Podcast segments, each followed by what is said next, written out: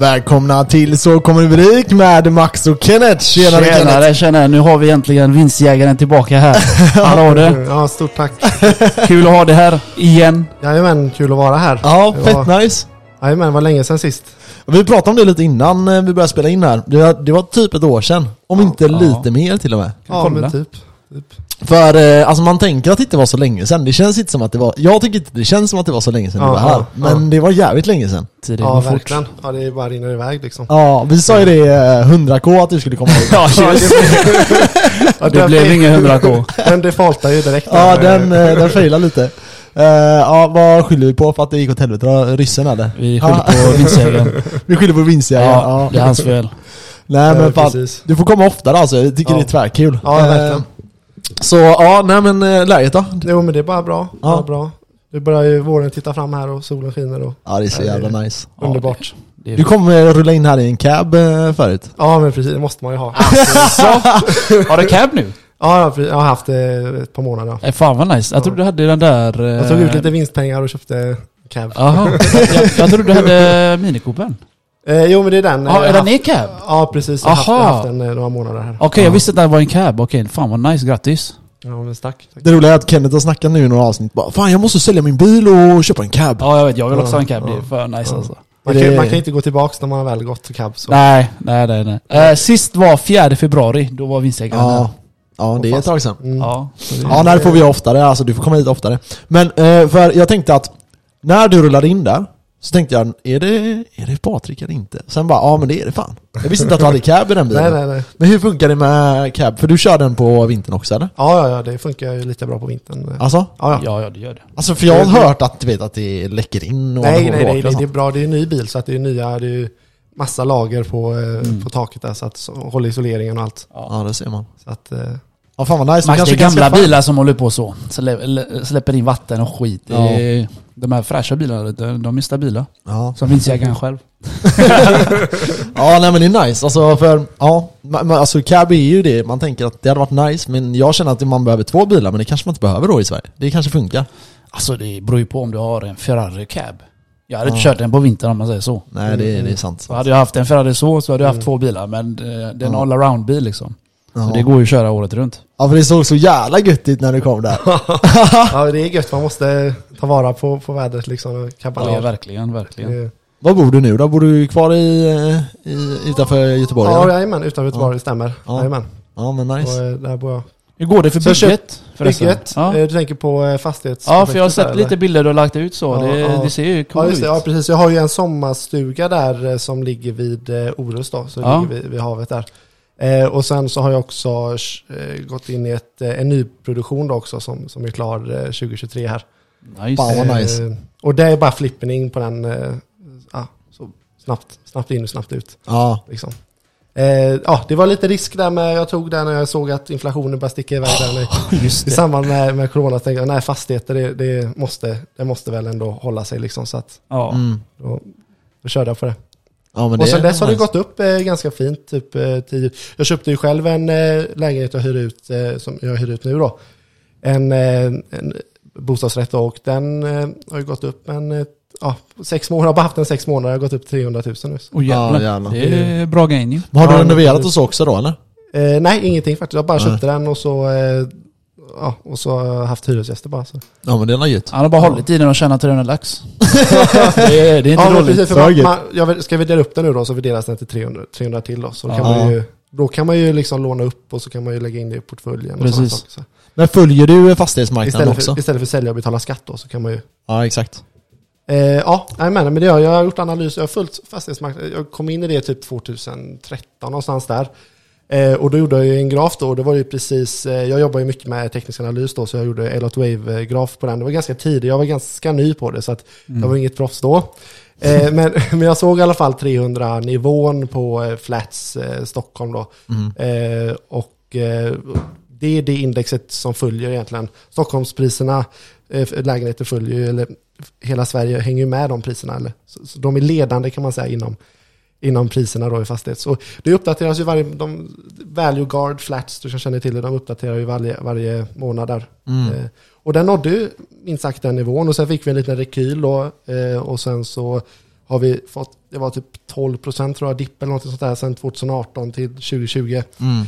Och sen bam igen nu då, nu har det stuckit. Nu är det upp typ 13% eller något där. Ja. ja, jag tror, för jag lyssnade igår på, eh, vad heter de, ekonomi, någonting, ekonomibyrån tror jag den Mm, heter.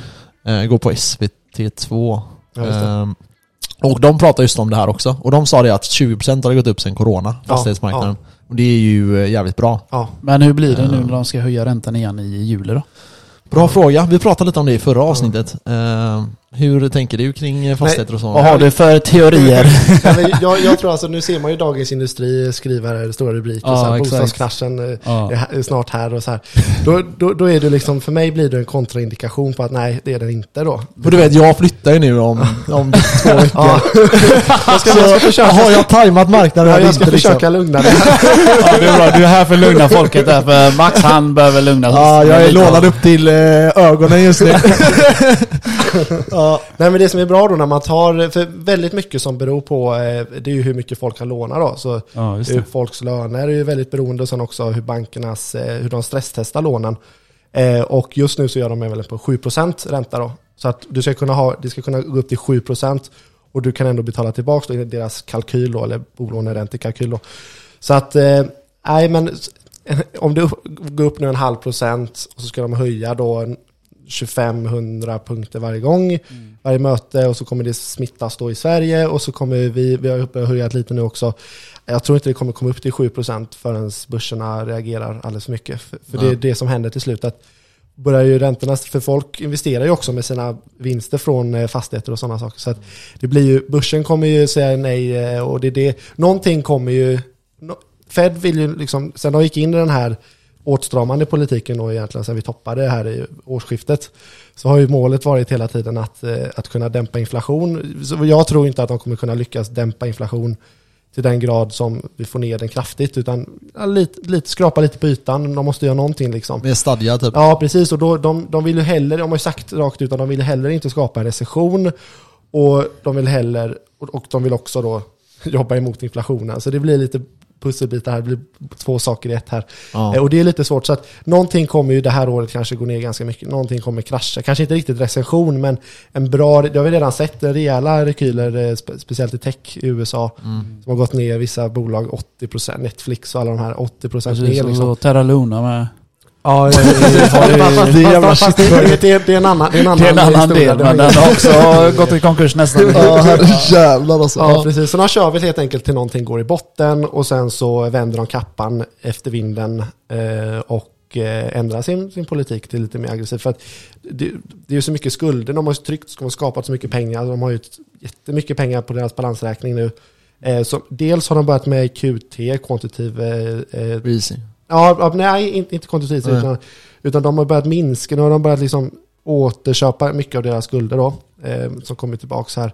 Eh, Och det, alltså det, för det jag tänker med när det kommer till det att de betalar tillbaka sina skulder, det är ju det att de har tryckt pengar. precis, precis. Och det gör ju att alltså, skuldtaken går ju ner Mm, eh, kontra med hur mycket pengar det finns ju om, i alltså, ja, precis, omlopp. Precis, precis. Och det är ju det som troligtvis är deras mål. Ja, ja, ja. Att de ska nu, de har haft det här jättelånet Mm, som man vet, mm. eh, liksom som bara ökar och ökar och ökar. Mm. Och så trycker de 50% av alla dollar Mm, som någonsin mm, har skapats mm. på liksom ett år typ. ja. Och sen plötsligt kan de börja betala tillbaka de här skulderna. Och det är ju, eh, ja, och sen tycker de, så, så frågan är om de är förvånade. De låtsas ju som att de är förvånade över inflationen. Det är klart de vet om det. Men är de, alltså man menar ju, men vem, de- vem de kan förespå den här de- inflationen liksom? De har ju vetat om det sedan, sedan dag ett tror jag, när de började gå ut med sådana extrema stimulanspaket. Eh, ni kanske minns där när de körde och fick pengacheckar i USA. Ja exakt. Alltså de här stödpaketen gick ut där med. Och har man då 1,8 triljoner i balance sheet här nu ökar och så ska de bara banta ner den nu då liksom. Det, det gör ju så att eh, framförallt marknaden då blir väldigt mycket, blir väldigt dålig likviditet i marknaden. Och då såg vi ju till exempel OMX här nu av Citibank när de gjorde ett lite tekniskt fel. Så kan en aktör få OMX att gå ner 8%. Ja. På, jag var med om den flashcrashen här för tre veckor sedan. Liksom.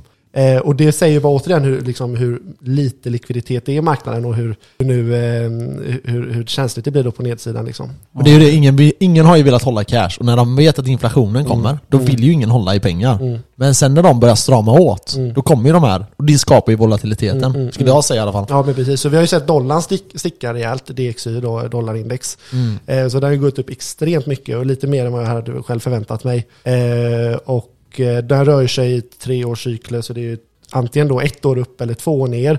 Eh, men det här fallet så verkar det bli två år upp och ett år ner. Så den lär ju toppa någon gång i år Mm. tillsammans med att börserna bottnar i år. Så att vi Mm. får ett bra 2023. Vi får ett bra 2024. För att inflationen är ju här och börsen är ju ett inflationsskydd. Eh, det är ju inget snack om saken.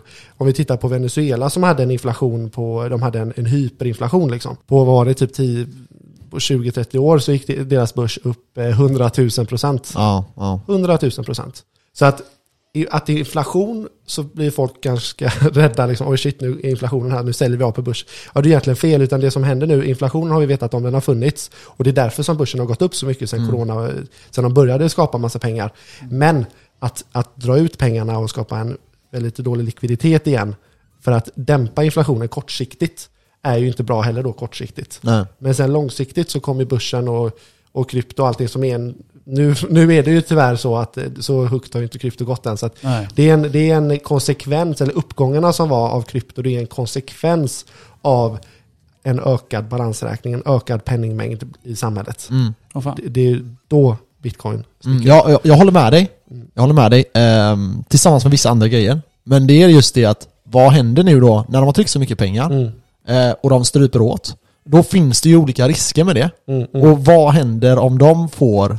vad händer om de här riskerna nu börjar liksom implodera hela samhället? Om vi börjar få jättehög inflation och sådana här saker. Mm, mm. Och det vet vi ju historiskt typ. Mm. Och det här vi pratar vi hur mycket som helst i podden. Men just med om man kollar på typ Holland, eh, vad som hände där. Ja, eh, ja. eh, pundet, vad som har hänt mm, där. Eh, alltså tidigare valutor, romarriket, sådana här. Ja. Inflation är ju jättefarligt. Ja, ja, och det man gör nu är ju någonting vi inte har testat med eh, centralbanker och sånt tidigare. Nej, nej. Men jag tänker, innan vi fortsätter med det här. Mm, mm. Jag tänker att vi bryter ner lite, ehm, ja men lite vad, vad det är du gör och vad är, vem, vem är du? Eh, och eh, liksom, vad är det du sysslar med på dagarna? Ja, men precis. Så vi går tillbaka, nu har vi hoppat in. Just det, vem är Patrik ja, liksom? precis, jag har ju varit med här i två avsnitt tidigare va? Ja, så att jag är inte helt ny för eh, många av er som lyssnar då. Eh, Men eh, jag går ju under namnet eh, Vinstjagaren. Eh, Mitt riktiga namn är Patrik. Eh, Driver en community eh, med eh, runt 200 pers Mm. ungefär. Eh, Och eh, där jag delar mina tankar, mina tillvägagångssätt, eh, tekniker, tradingtekniker, eller investeringstekniker Via Discord är det så Ja, va? precis, Ja. precis. Och eh, eh, ja, mycket köp och säljsignaler, daytrading, swingtrading. Okej, om vi bryter ner den terminologin lite. Eh, vad är det för skillnad på swingtrading och eh, daytrading? För Ja. daytrading tror jag många har hört om. Ja, ja, Mm. ja, daytrading är väldigt, väldigt kortsiktigt och eh, ofta så ligger du inte över natten. Liksom, sådär, så att du, det är ett par timmar oftast. Liksom. Eh, och, och där vill du stänga en position, du vill ta väldigt lite risk, så du vill inte gå in så mycket av din portfölj i en daytrade. Utan där handlar det om att små, små liksom vinster leder till stora vinster i slutändan. Så hela tiden jobba smått. Då. Eh, och sen har du swingtrade, där kan du ändå gå in med en, en position du ser, liksom, okej nu har vi uppgångar här ett par veckor. Eh, och då kan du ändå gå in hyggligt eh, och sen ligga med ett par veckor och sen gå ur då. Och sen har vi någonting som heter position och det är ju mer, eh, det är ju mer hodel. Alltså, eh, då köper man bitcoin och håller i fem år liksom. Det, Det- det, det, det vi gör det. Ja, men det är ju typ in- investeringar kan man säga, lite mer ja, eh, ja, ja, ja, investerare. Ja, precis. Och det är väldigt viktigt att när man har en position så har man ingen stopploss. Eh, utan då, då kan man ju istället öka sin position om man får då en lite mer rea. Och så, å andra sidan så kan man ju skala ur om vi får en väldigt stor uppgång. Mm. Eh, det är typ den typen. Och sen har vi en swing trade, och då, kan, då bör man sätta en stopploss. Eh, För att stopplossen är där för att ändå din analys eller det du ser eh, misslyckas och då ser du oftast ett fall. Mm. Kanske beroende på vad det är, men om vi ser ett fall 30% till, då är det väl bättre att gå ur.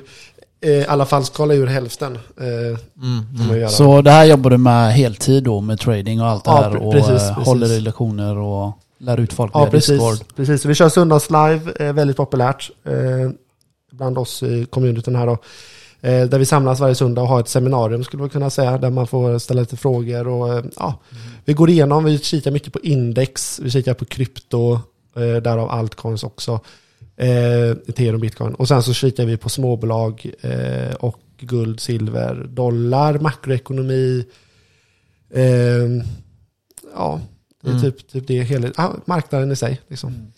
Och i sidan av då så har du dina eh, husgrejer där, projekt där. Ja, vi har precis. Sen har jag lite projekt vid sidan av, fastighetsprojekt och så. Ehm, Sen har jag också ett litet eh, företag som, jag köpte upp ett, eh, en verksamhet som säljer en, ehm, ett liniment, ett medicinsteknisk produkt. Det gillar jag. Just det, det Det, jag det, det där gillar jag. Kyl- Det tar jag varje dag. Ja, kylliniment, ja precis. Ja. Eh, Så det är en liten side business där jag har också. Eh, Hur går det med den då? Säljer ni något? Eh, jo, men det, det, det absolut. Vad heter hemsidan eller? Eh, eh, Biofris. Bio, Biofris.nu. biofris.nu. Där kan ni beställa linementgubbs. jag, bör, jag gillar liniment. Jag tar ju det varje dag för jag är alltid stel du vet, när jag precis, vaknar. Precis. Så jag tar det, fast jag tar ju den varma då. Och ibland kalla Ja, efter hot and träning. cold. Ja precis. Jag får precis. båda. Jag fryser ibland och blir Precis, varm ibland. Ja, men det är, Så det där kan vara en bra business ja, ju. ja. Nej, men det, är, det är mentol i så att det är ju riktigt Mm, bra. precis. Kylande och, ja. Man ska inte ta det på halsen bara för då kan man fan inte andas. Alltså, Ja, ja, ja, jag har råkat göra det typ på bröstkorgen. Det ska du helst inte ta alltså. Det, du blir Mm. så kall du vet. Mm, mm, mm. Den känslan. Ja, Ja. Så ja men det... ja. Så du har mycket Ja. projekt du. ja, men så, precis. Och så kör jag också utbildningar eh, och också har jag ju en e-bok då som jag skrev 2020 där. Just det. det. Det kommer vi ihåg. Tradingen där. Precis, Mm. precis. En pdf med typ 66 sidor eller något sånt där som går igenom eller rannsakar hela eh, alla möjliga då investeringsstrategier, tekniker, eh, Hur, eh, psykologi, allt. Hur gick det med försäljningen där då? Eh, av böckerna Ja, böckerna, eller? boken ja, där. Ja, ja, det har gått bra. Jag har ju liksom sålt eh, över eh, 120 stycken kanske, något sånt där. Okej, Mm. nice. Eh, och många av de här har jag ju också utbildat då vid sidan om eh, tillsammans i Discord. För då, får man ju, då, då, då utbildar man tillsammans. Det, ser det som ett utbildningsmaterial ungefär. Mm, mm. Som man har tillsammans med eh, den eh, ordinarie. Så det är väldigt mycket videos och så man får tugga sig igenom. Okej. Så man får en helt annan syn på eh, grafer och börsen och eh, ett helt annat tänk helt enkelt. För då gör man ju också, agerar man oftast lite annorlunda än vad alla andra agerar om man har, om man har kunskap i makt. Eh, Ja, det, så är det. Så Så är det ju. ju mer kunskap du har, ju mer makt har du och då kommer du agera lite mer annorlunda vad andra agerar och då kommer du få en fördel. Mm. Och den här fördelen vill vi åt då helt Det, det är den du har. The edge. Förhoppningsvis.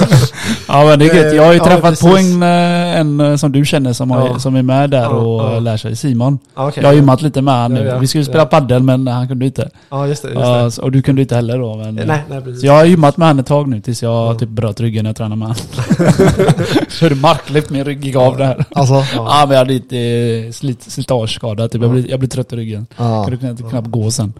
Men ja, men det det, är kul. det är härligt att höra att eh, det går bra för dig. Ja, Ja. nej men det, det, det, målet är ju liksom att lära ut utbilda så att alla kan eg, göra egna analyser och liksom ha den här kunskapen liksom, för att det är så- jävligt värdefullt. Och har man med sig hela livet egentligen Ja. sen, när, man väl, när man väl kan det då. När du sitter där och lär ut på Discord, hur många sa du att ni är där inne? Det är två, 200 stycken. eh, Varje gång, du, varje gång du håller föreläsning? Eh, Nej, alltså under föreläsningarna så är vi kanske 40, Ja, Okej, 40 jag tänkte fan kanske. 200 pers blir jobbigt ju. Ja, ja nej, men jag, jag spelar ju in också så man ser ju det efteråt. Okej, okej, okej. Så det är inte alltid live då? Ja, eh, nej precis. Det är max 50 stycken i liven. Okej, För det är en okej. Discord. eh, Kanal ja. Ja. precis. När man kör webbinarium så är det max eh, 50 då. Ja, då vet jag. Ja, Fan vad nice. Eh, Som kan integrera då med röst och så. Annars så får man titta vid sidan om då. Mm, Ja. mm. Är det, ja. Vad, är, vad är målet med alla dina byggprojekt då? Alltså, hur många håller du i? Hur många lägenheter är det du håller i? Nej, alltså jag har ju en, en eh, bostadsrätt för sex månader sedan jag köpte. Ja. Den hyr jag ju ut så den bara rullar. Sen så har jag ju nyproduktionen här. Är det Göteborg eller är det utanför Göteborg? Eh, Det är utanför, det är vid havet. Ja, okej. Och, Ja, det har jag eh, sett. Ja, Värsta vyn här. Alltså? Ja, faktiskt. Om det är den jag har ja, sett. ja, Då. men det är den med, med brygga och Ja, exakt. Ja. Det har jag sett. Ja. För gött ju. Ja, det är jävligt Annars ska nice. vi dit och festa. Då jag... ja. Eh, nej, och sen så har jag byggt om, lite renoverat lite. Jag har sommarstuga där eh, tillsammans med mina bröder. Så vi har gjort om eh, taket och lite sådana saker. Mm. Eh, och den ligger ju också med strandtomt eh, eh, riktigt fint till. Mm, Eh, mm, mm. Så det är, ja, nej, men det är riktigt härligt att vara på somrarna. Ja, Men det är egentligen, egentligen familje, så det är ingenting jag har Mm. köpt utan Nej, fa- familje och gått i familjen. Mm. Okej. Fan vad nice. eh, Goa sommar du kommer ha där liksom. Grillning, Ja, hoppa, hoppa ut bara. Verkligen, verkligen. Har ni båten här eller? Eh, nej, eh, Okej. haft men inte Det kommer då. Det kommer, det kommer. ja, vattenskoter har jag funderat för länge men... Ja, det är som mig alltså. Det roliga är, hade du sagt det, för jag hade i vintras så hade jag så jag kunde köpa eh, två stycken nästan helt nya för Mm, 35 000 styck. Men jag var tvungen att köpa Sido, båda. Sido. Ja, ja. Okej, mm. Eh, såna, ja exakt, Ja, exakt, mm. exakt, exakt. Så äh, det hade varit skitkul alltså. Ja, Men, ehm, ja vi får Du hade se. kunnat ta den i Smögen då tänkte du? Ja exakt, exakt. Men eh, vi får se. Det får bli... Jag ska inte säga att det inte blir i år, för jag är fortfarande jävligt sugen på att köra vattenskoter. Det blir inte hade- i år. Han köper lägenhet. Han, han har sålt krypto, han har sålt sin själ för den här lägenheten nu. Uh, ja, nej, jag fick, ja fan det blir goda skatter Ja. nästa år. Nej men, ehm, ja, nej jag vet inte. Jag, jag tycker att det hade varit svinkul alltså. Mm, mm, Vattenskoter är, vi har ju, jag har ju båtbilföräldrar och sånt men Mm. mm. vattenskoter har varit riktigt kul alltså. mm. Ja men det Fan, är kul att köra. Ja, nej, men det Ja. är kul. Fast jag gillar, att köra dem med, jag gillar att köra dem med du kan hoppa med. Ja, men det är- lite, det är ja, det är lite- såna vi Lite pratar om. mindre, inte Ja. så stora. Nej men det är det vi eh, pratar om. Fan, jag flyger bara av när jag kör en sån. Det kommer en liten våg, woof, flyger jag av. Ja. De går så fort du vet. Ja, ja, ja. Men de här är ganska bra ax på, men de har ingen bra toppfart då. Mm. Nej, nej, men nej. du kan ju trixa lite lite mer, Ja, exakt, Ja, exakt. exakt. Det är det trixa är kanske överdrivet. Jo det är trixa. ja. Jag grindar ingen shit. I vattnet. I vattnet också. Ja, Ja, det, det, det finns häftiga grejer. ja nej fan. Ja, ja, men så vattenskoter till nästa sommar då. Ja, förhoppningsvis. Ja, ja. förhoppningsvis. Men är ni, ska du dit på midsommar och sånt då? Ja, ja, nej, då, ja, kanske. Vi får se. Ja. får se. Ja men Det gött. Fan vad nice. härligt. Ja okej. Men jag tänker, tillbaka nu då till eh, lite marknaden och sånt. Ja. Vad gör man nu då som, så, för du kallar dig swingtrader framförallt. Mm. Gör du det fortfarande?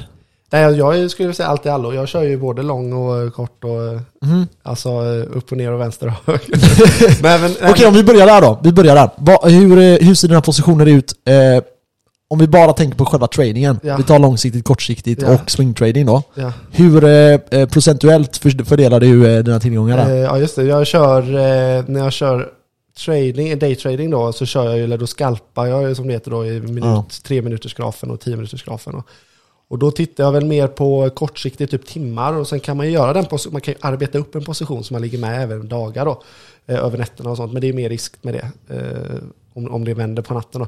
Sen så eh, procentuellt hur mycket av eget kapital, ja det brukar jag väl lägga max någon procent bara på egentligen en, två, tre procent kanske på, på en sån trade. Mm. Eh, och sen så har jag ju eh, krypto så brukar jag lägga mycket mer eftersom jag anser att det är mer position då. Sen så har jag ju också eh, där jag fördelar om med eh, eh, när jag ser då som nu då att nu marknaden neråt då, då har jag liksom sålt då eh, Mm. sen innan. Eh, och det är lite, om vi ska prata lite om just krypto där eh, så ligger vi ju i en, det är väldigt spännande tider. Och Jag håller någon position i krypto idag. Jo, men det har jag. Det har jag. Jag har jag har ju som, sagt, som sagt sålde av ungefär hälften av all min krypto. Eftersom jag såg den här... Innan kraschen. Ja, men jag såg den här nedgången komma. Eh, more or less. Eh, och sen hade jag tänkt att, att sälja av egentligen allting innan. Så jag kunde Ja. återköpa. Men jag sökte, vi gick upp till 48 000 på bitcoin och sökte 50 000. Så det var liksom ganska, ganska hårfint. man, ville, man ville komma in. Man har, I det korta så har man ju mer fel, i det långa har man ju märkt. Eh, I korta så kan det ju vara liksom fyra av tio trades kanske blir fel. Liksom. Eh, och sen så i det långa så sitter oftast de flesta. Liksom, är, det, är den långa vyn då oftast. Eh, Mm. Eh, och det är mer brus, mer, mer kortsiktig. Liksom. Det kan komma en liksom, makronit och så blir det en spik i marknaden. Oftast går den tillbaka. Så, ja, lite så. Eh, men sen bra risk-reward är ju väldigt viktigt. Då, så att det, det spelar ingen roll. Man kan ha så, så mycket fel som typ sju av tio fel. Och bara du har en väldigt Men det är därför man är i krypto. Ja, ja precis. precis. Så länge man har väldigt bra risk-reward då helt enkelt. Ja. Så att, man har, att, att belöningen eller den vinsten du ser är mycket större än den risken du tar. Mm. Eh, och så länge den ligger på typ 3-1 eller 5-1 eller så. Men kan du se så här 10 ettor på börsen? Eh, vad tänker du 10-1 där? Alltså kan du se att det är potentiellt en i risk och Ja. 10 gånger pengarna Ja. i potentiellt? Eh, Kan du se det på börserna eller kan du se det, eller ser du det bara i krypto till exempel? Eh. där är, kan du se sådana hela tiden. Ja, just det. Nej, men man kan nog se det i, eh, i, i, där, i småbolag då framförallt. Ja. Eh, precis. Det var, jag, jag satt ju en sån... Kör du mycket small cap eller? Ja, ja men det gör jag. Det gör. Eh, absolut.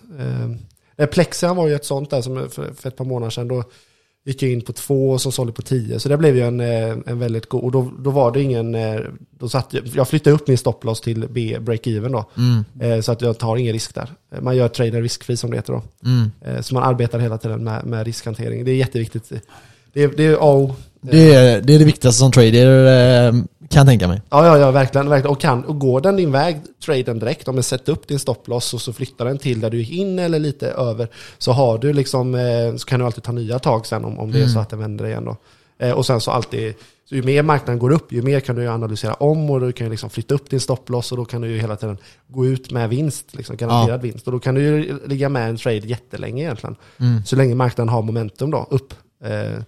Och, eh, och det har den ju liksom. Men sen så... Men hur där då? Okej, om vi säger att någonting går upp, någonting som du tror på, vi säger att du swingtradar nu då. Mm, Så du försöker ändå sitta, eh, alltså glida med vågen liksom. mm, mm. Eh, och så säger vi att det går från 10 till eh, 30. Ja. Och så tänker du, ja men den kan ju lätt gå ner till 20 och sen fortsätta upp, eller hur? Eller det tänker jag i alla fall. Att det, Mm, det kan ju hända potentiellt. Mm, mm. Ja, Så hur, hur, hur reglerar man stopplosses där? För det Eh, känner jag skulle vara det svåraste. Om, om. Om, så att du inte går ut Ja, och sen vänder det. ja, just det. För det är ju det Just det. tråkigaste som kan hända ja, för en ja, men, ja, swingtrader. men precis, precis, just det. Tajmar den rätt varje gång? Eh, alltså, Varje- han har ju hundra Nej, jag vet inte hur många, hur många alltså procentuellt är det? Nej, men man kan ju aldrig tajma varje gång, men, eh, men vi har ju en väldigt hög eh, probability, alltså en eh, väldigt hög sannolikhet då att man Okej. träffar oftast rätt då när man går in i de här viktiga zonerna.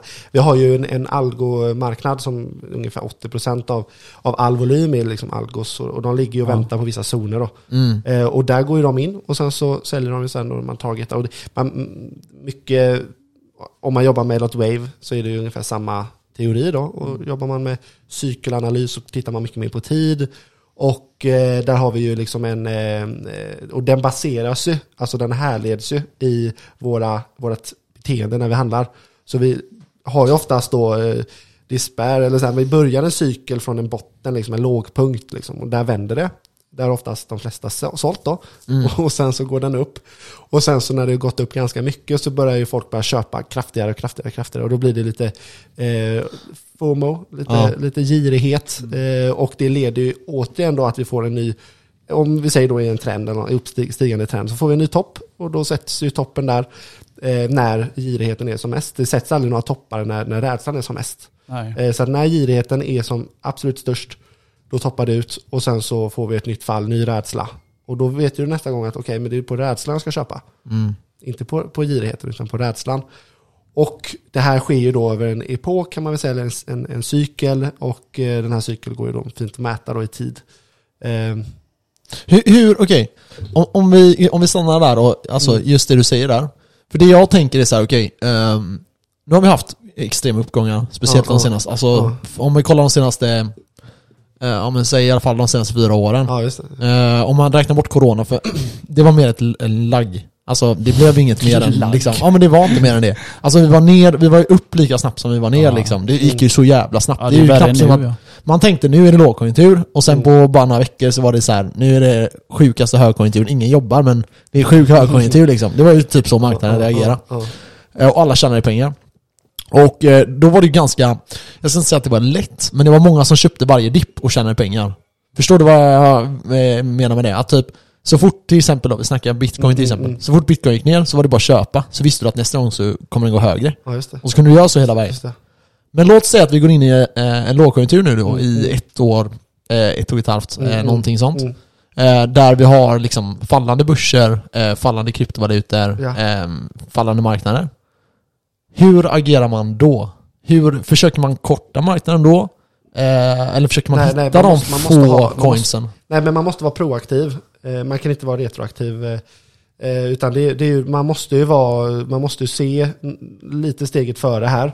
Och ha någon typ av kassa. Eh, Alternativt då hedga då eller sådär. Men lättast är väl att ha bara kassa då. eh, Och sen gå in då i när det är som billigast då. Och så gäller det att hitta när det är som billigast också. Men, men Ja, för jag menar, nu- skulle du, alltså teoretiskt sett, mm, för, jag tänker för dig nu då, som kollar mycket på grafer och sånt, mm, mm, Eh, mycket av de här graferna påverkar ju vad Fed och de här beslutar. Mm. Om de säger att vi höjer med, eh, liksom, vi kommer höja räntan Mm, jävligt mm, mycket mm, nu, och de går ut med det, så Mm. kommer ju börserna falla. Hur, för då, alltså som, in, som din investeringsportfölj kan ju fortfarande bara ligga där. Men din tradingportfölj, hur, hur agerar du där? Eh, du tänker på eh, positionsportföljen som Ja, var exakt, exakt. tradingport- Nej men den, den är jag ju väldigt kort, då får man ju vara väldigt aggressiv och, och, och, och liksom, eh, vi vet ju att vi får väldigt korta uppgångar, det är bear market rallys. Vi vet att de är bara typ, om vi tittar på index så brukar de ligga på ungefär typ, två veckor max. Liksom. Okej. Och är det stopplosserna då som hela tiden savear dig från... Ja, ja, det får man ju ha. Och så får man ju ha, eh, man får vara aggressiv och liksom sälja direkt mm, på vinst. Liksom. Ja. När det är upp, alltså, så, man har ju olika targets, targets eh, nivåer då. Så när man når de nivåerna får man ju vara liksom, bestämd och, och sälja av. Eh, helt enkelt för att eh, om marknaden är då i en fallande trend som den har blivit nu sen Fed ställde om där i årsskiftet. Eh, och då fick vi vår första då weekly fail cycle som det heter då. Då, då toppar vi ur i veckocykeln ganska tidigt så vi har ganska mycket tid på oss att falla. Och det kan man också mäta då i, eh, i hastighetsindikatorer och alltså om ni har hört RSI och Stochastic och sådana grejer liksom, kan man ju mäta. Och det är väldigt laggande så det är bara liksom överblick, man ska inte använda det Mm. eh, så mycket. Men, men, men vi vill få ner och det brukar ta ett par månader. Liksom. Så att en bear market, en, en, det tar liksom tid. Eh, och då ska vi få ner, jag, själv, jag la ju ut en karta där på min Insta februari. Mm. Då stod ju OMX säkert på 2300 kanske. Eh, och så la jag även ut den för krypto då, eh, när jag såg att det här, nu är det för mycket bevis. Jag har ju varit inne på spåret hela tiden att vi bör ha ett negativt 2022, men just där så kände jag att nu var det tillräckligt mycket med bevis, så nu, nu, nu lägger jag ut. Och, och sen dess är vi ner ganska bra. Eh, jag söker liksom nivåer för OMX, 1700-nivån, slu, Ja. slutet, andra halvan av 20, 2022 här. Eh, samtidigt, eh, eftersom krypto följer index slaviskt, det senaste, alltså risksentimentet, Mm. eh, så vill jag ju se bitcoin i alla fall nere vid 23 000. Mm. Så det, det skrev jag ju, att det är ju mitt, mitt mål då. Mm. Eh, och då är det bara att köpa tillbaka där nere. Ja, alltså jag, Mm. jag kan nog bara instämma när det kommer till krypto. Så Mm. eh, jag var jättetaggad, det var ju vi allihopa här eh, innan allting. Mm. Eh, sen är det ju mycket som har hänt. Alltså världen är ju fucked up. Ja, Ja, världen är ju Ja, fucked det har up. hänt mycket Ja. liksom. Ja. Vi har haft corona som nedstängningar. Vi har liksom följ, eh, alltså effekterna av det ligger ju kvar. Ja. Vi kan inte ha full produktion någonstans i världen. Kina har Mm. stängt ner Så har igen. vi kriget med. Vi har krig med Ukraina. Du har, länder som kraschar, Sri Lanka går Ja. i konkurs. Vi har en aggressiv Fed eh, tillsammans med svenska riksbanken nu som också hakar på liksom. Mm. För att försvara kronan, vilket man måste göra. Alltså, Mm. Sverige är ju bara... Frågan är, kommer vi ha, vara i en lågkonjunktur snart eller? Ja, vi är redan en låg. Det är redan det. Ja. Så, Ja, alltså det, det skulle är man hur ju länge säga. vi kommer jag sa, vara jag sa det, Alltså- när, när, när, när majoriteten inser att vi är i en lågkonjunktur, då är ju oftast den redan för sent. för sent. Men för, ja, men för det jag... Det jag Det är redan Ja, ja, ja, men alltså, men så så är det ju för att shit, det här sista kapituleringen. Men vänta, jag vi får bara säga en sista- sak. Ja, Det jag tänker är där, att eh, ja, vi är nog i en lågkonjunktur. Men det är att börsen har förutspått att vi är i en lågkonjunktur. Mm. Men själva eh, Ja, arbetsmarknaden och sånt ja. har ju inte svarat på lågkonjunkturen. Nej. Vi är fortfarande i en högkonjunktur om man Mm, kollar de mm, andra så här, mm. indikatorerna på till, till exempel ja, arbetslöshet och sådana här Ja. saker. Eh, eller hur mycket liksom, BNP går ju fortfarande rätt, rätt bra liksom. Mm. Men börserna, alla säger ju att det här kommer ju inte vara så här kul om ett, om ett Mm, halvår mm, liksom. mm. Och det är det börserna igen försöker förutspå. Mm, De mm. försöker ju förutspå framtiden. ja, men precis. Så eh, absolut. Jag skulle nog... Ja, ja exakt. Vinstjägaren, han spår bara. Våran egna spåtant. Ja, ja, ja. Nej, nej, men det, man ser ju det ganska tydligt, för det är ju när, när, om man studerar grafer och så här så ser man ju mönster och de upprepas ju och när de sker så är det ju ganska, man sätter ju en sannolikhet och det oftast är det ganska hög. Så Mm. när vi toppade ut där vi i årsskiftet och fick vår första failad och då är det ju 90, 80, 90 procent sannolikhet att vi får fortsatt då nedåt Mm. under den cykeln. Och sen Okej. när den slutar, ja det är ju senare 2022, då får man ju titta igen då, men då bör vi vara nere så pass mycket så att Fed bör, alltså i alla fall indikera ett slut på räntehöjningar, indikera ett slut på att sluta banta deras eh, balansräkning, Mm. indikera ett slut på, och sen måste då börja kanske pusha upp igen då ekonomin och gå in med nya stimulanser. Okej, lite svårare fråga. Men Ja. vad tror du kan få Fed, vad tror du Fed letar efter nu? Vad, vad tror du att det är deras mål med det? För jag, alltså de kommer inte kunna sänka inflationen ner till 2%. Nej, nej, de, de, nej. Kanske, de kanske kan låtsas det utåt att de har koll på vad som händer. Mm. Men det, det kan man ju vara ganska överens om att det kommer ju troligtvis inte hända. Om de inte börjar manipulera siffror och sådana här Ja, grejer. ja, ja, Men, men låt förutsätta att de inte kan det. Vad, vad är det de letar efter nu, tror du? Eh, nej, nu är det ju bara att... Hur, alltså, hur, hur menar du? Leta Nej men, efter... ehm, för jag Lösningar ja men vad? typ så här, vad, vad är det, för Fed höjer ju räntorna nu, ja. och det är ju för att typ stoppa inflationen, Mm. få ner den. Mm. Men, men tror, du att det är det de, tror du att det är det de tänker att de ska göra? Eller är det bara att de ska liksom stoppa att det inte blir högre nu? Eller tror du att de försöker verkligen trycka ner den? Ja, alltså en, en, de vill ju stoppa inflationen eh, och sen antagligen trycka, jag vet, jag vet inte riktigt vad de har för mål riktigt, men det jag vet i alla fall det är att de har aldrig varit proaktiva i sina beslut. Nej det kan man säga. Eh, utan de är retroaktiva. Och det, och det är det som är så, eh, så tråkigt egentligen, att vi har en sån politik som hela tiden agerar efter nå- någonting har skett. Liksom. Mm. Så att när, när man går ut med typ 1,8 triljoner i stimulans, dollar då, i stimulanspaket eh, och stimulerar då så otroligt mycket då, så tänker man ju inte på att ja, men det här kommer ju få effekter. Eh, och, och, men det är lite så här, för att de kör ju, alltså, alltså den här penningpolitiken då, eller världs, i alla centralbanker oftast då i hela världen, de, ungefär samma politik då. Men, men det, det de gör, det är ju liksom tre regimer skulle man väl säga. Och det, är ju, och det här upprepas i historien, så tittar man tillbaks så har ju det här skett igen. Ja.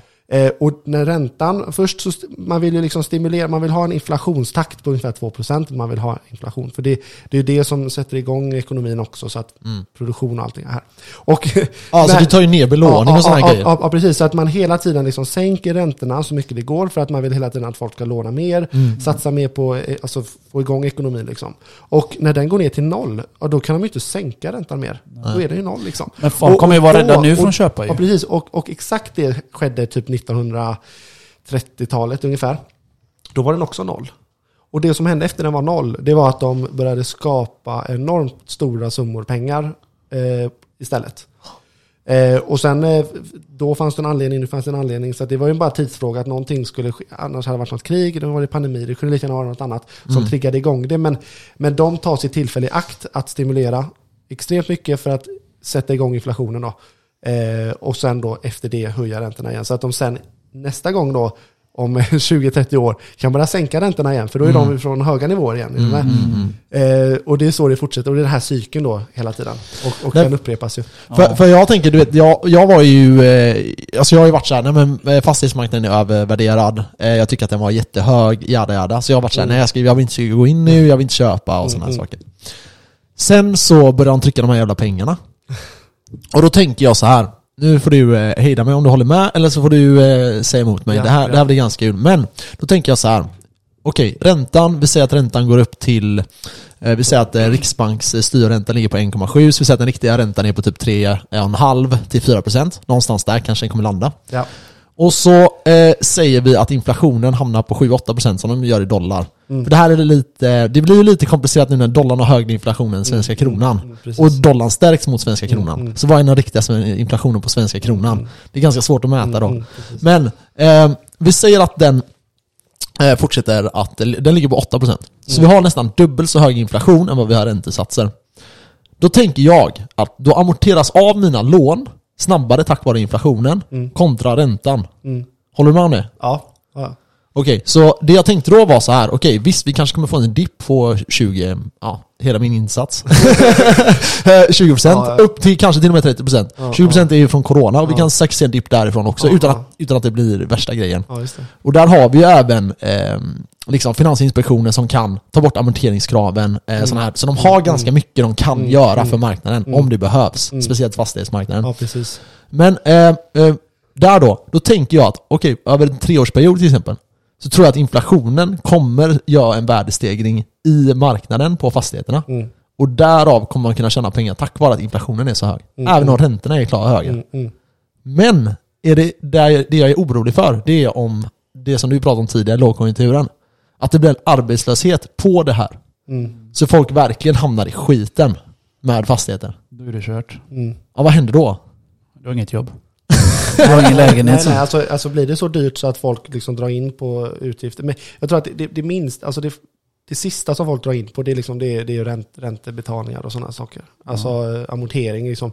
Folk, folk stänger av sitt Netflix-abonnemang liksom. För att kunna betala lånet och, amortering och, och, sånt är viktigt liksom för folk Ja. att stänga av. Men sen så amortera, jag tror folk kommer liksom prioritera det högst, eh, absolut. Ja. Eh, och sen så, alltså de Men tror du att fastigheter kommer gå upp? Ja, Eller tror du att det kommer... ja jag, jag tror Han är så jävla rädd alltså. Nej jag är inte rädd! Alltså kolla här, jag, jag gjorde ju ett bett nu. Alltså, så här, det här är ju, det är ju så. vi alla gör bett när det kommer till investeringar. Mm, mm. Vi, vi har en liksom fundamental eh, tankegång kring det och sen försöker vi eh, köra ett bett på det. Mm. Och så har du rätt så får du belöning och Mm. har du fel så får du kosta det liksom. Mm. Men min, mitt bett då är ju att inflationen Kommer liksom äta upp mina lån. Mm. Det är det jag tänker. Mm. Så om tre års, fyra år, fem års tid, då kommer våra löner ha ökat ganska kraftigt. Mm. Och inflationen kommer därav göra att bostäderna kommer gå upp. Mm. Det är så jag tänker. Ja, precis. Och så tänker ju eh, regeringen också när de ökade sin eh, statsskuld tre gånger typ. Så det var inte dum Ja, tanke exakt, Max. exakt. Nej men det- för, för så är det ju. Alltså lån är ju nice när Ja. inflationen är hög. Ja. Problemet är ju att räntan ofta blir hög, så det är svårt att behålla lånen. Mm. Eller hur? Mm. Ja, ja, ja. Eller så tänker jag. Ja, lån är väldigt bra. Det är liksom ett mind, rich mind thinking. Eh, och ha mycket skulder för att det betalar ju sig själv då. Ja, Med inflationen. ja. Och speciellt när vi är på väg mot högre och högre. För att det, det kommer ju eskalera. Vi får ju vi går igenom liksom inflation, stagflation och deflation. Och, men det Mm. kommer ju tillbaka och den stagnerar ju inflationen och, och det sätter ju sina spår. Eh, och det tar ju oftast många år. Många, många år. Eh, så att det vi ser nu, det kan ju bara liksom öka då. Ja, ja. Så att inflationen kommer ju säkert ligga här väldigt länge. Ja, det, det är Ja. mitt bett också. Men eh, hur gör du då när du kommer till, eh, vi säger, eh, om en värdepapper, eh, kryptovalutor eh, etc. Använder du belåning i det här läget? Eller försöker du undvika belåning just nu? Eh, jag kör ju, eller har ju så mycket belåning jag kan då på fastigheter såklart. Ja. Eh, och gäller värdepapper så har jag inte så mycket belåning, nej. Nej. nej. Eh, det, det, För det, du belånade också under corona? eh, krisen, eller? eh, ja, alltså jag började ju min resa genom att jag belånade för att jag ville ha en liten hävstång då. Upp, Ja. eh, för jag, kom ju, jag hade ju noll, noll kronor på kontot 2018 liksom. Ja. Jag hade ju tradat sånt innan, men jag gjorde ju mig av med allting på en resa eh, runt olika, ja, världen. Just det, Ja. du berättade Eh, du ja, ja, precis. lite. Så jag gick ju från noll egentligen då, och så gick jag in då tidigt i en, en sån här fyraårscykel då på bitcoin, tidigt, tidigt. Eh, Och ethereum för den delen. Och, så, och, eh, och det tiofaldades ju liksom, jag fick ju tillbaks, det gjorde mig miljonär liksom, Mm. den uppgången liksom. Tillsammans med lite andra investeringar. Men du blev av med din bitcoin väl va? Eh, vet- Du tänker på det med MTGOX? Ja, eller Ja, fått- nej, det är en annan Det är historia. en annan historia. Då- men har du fått tillbaka dem? Ja, En snabb den, den ska, den är, det är klart nu, så jag ska få tillbaka. Ja, nice. I Härligt. alla fall en liten del av den. Ja. För mycket har ju Inte försvunnit. hela än alltså? Nej, nej, Ja, okej. utan det är 30% kanske. Ja, Okej, men du är bättre Ja, det är nice. Det, det är nice det. Det, den är För faktiskt, det är lite pengar man har glömt av kan jag tänka Ja, precis. Ja. Det blir min största vinst då. För jag räknar på det. Det blir 100 000 procent avkastning. För jag, köpte den, jag köpte den för 100, 100 dollar. Ja, det är nice. Applåder, det där är sjukt alltså. Ja, ah, vad sa du du köpte den för? 100 dollar. Åh jävlar. Så billigt har vi aldrig köpt Max. nej, nej, det har vi, det, det är vi långt ifrån kan man Ja, och, då får, jag- och då ska jag inte prata om hur många jag hade. Exakt. Så ja. man dåligt. Ja. Nej men så kan man alltid göra. Man, man håller ju ingenting så länge, det gör Nej. man inte. Utan, utan det, det, nu har den varit låst och det är på grund av att den har varit det som... Jag, jag tror så här, man kan hålla så länge, Ja. men det är svårt med tanke på, om man kollar vad bitcoin var då, Ja. ingen visste ju vad det var Nej, riktigt. nej, nej, nej. Känslorna Man såg ner. Ja, man såg ju inte bitcoin som det man ser bitcoin idag. Nej, nej, och det kommer säkert förändras om 3-4 år Ja, igen. Ehm, och det är ju det intressanta med det. Så här, vad är bitcoin? Vad har det för användningsområde? Vi får se. Och Mm. det kanske blir ännu större. Och det kan också bli ännu mindre såklart. Mm, men, mm, mm. men med största sannolikhet mm, så kommer det ju mm, växa liksom.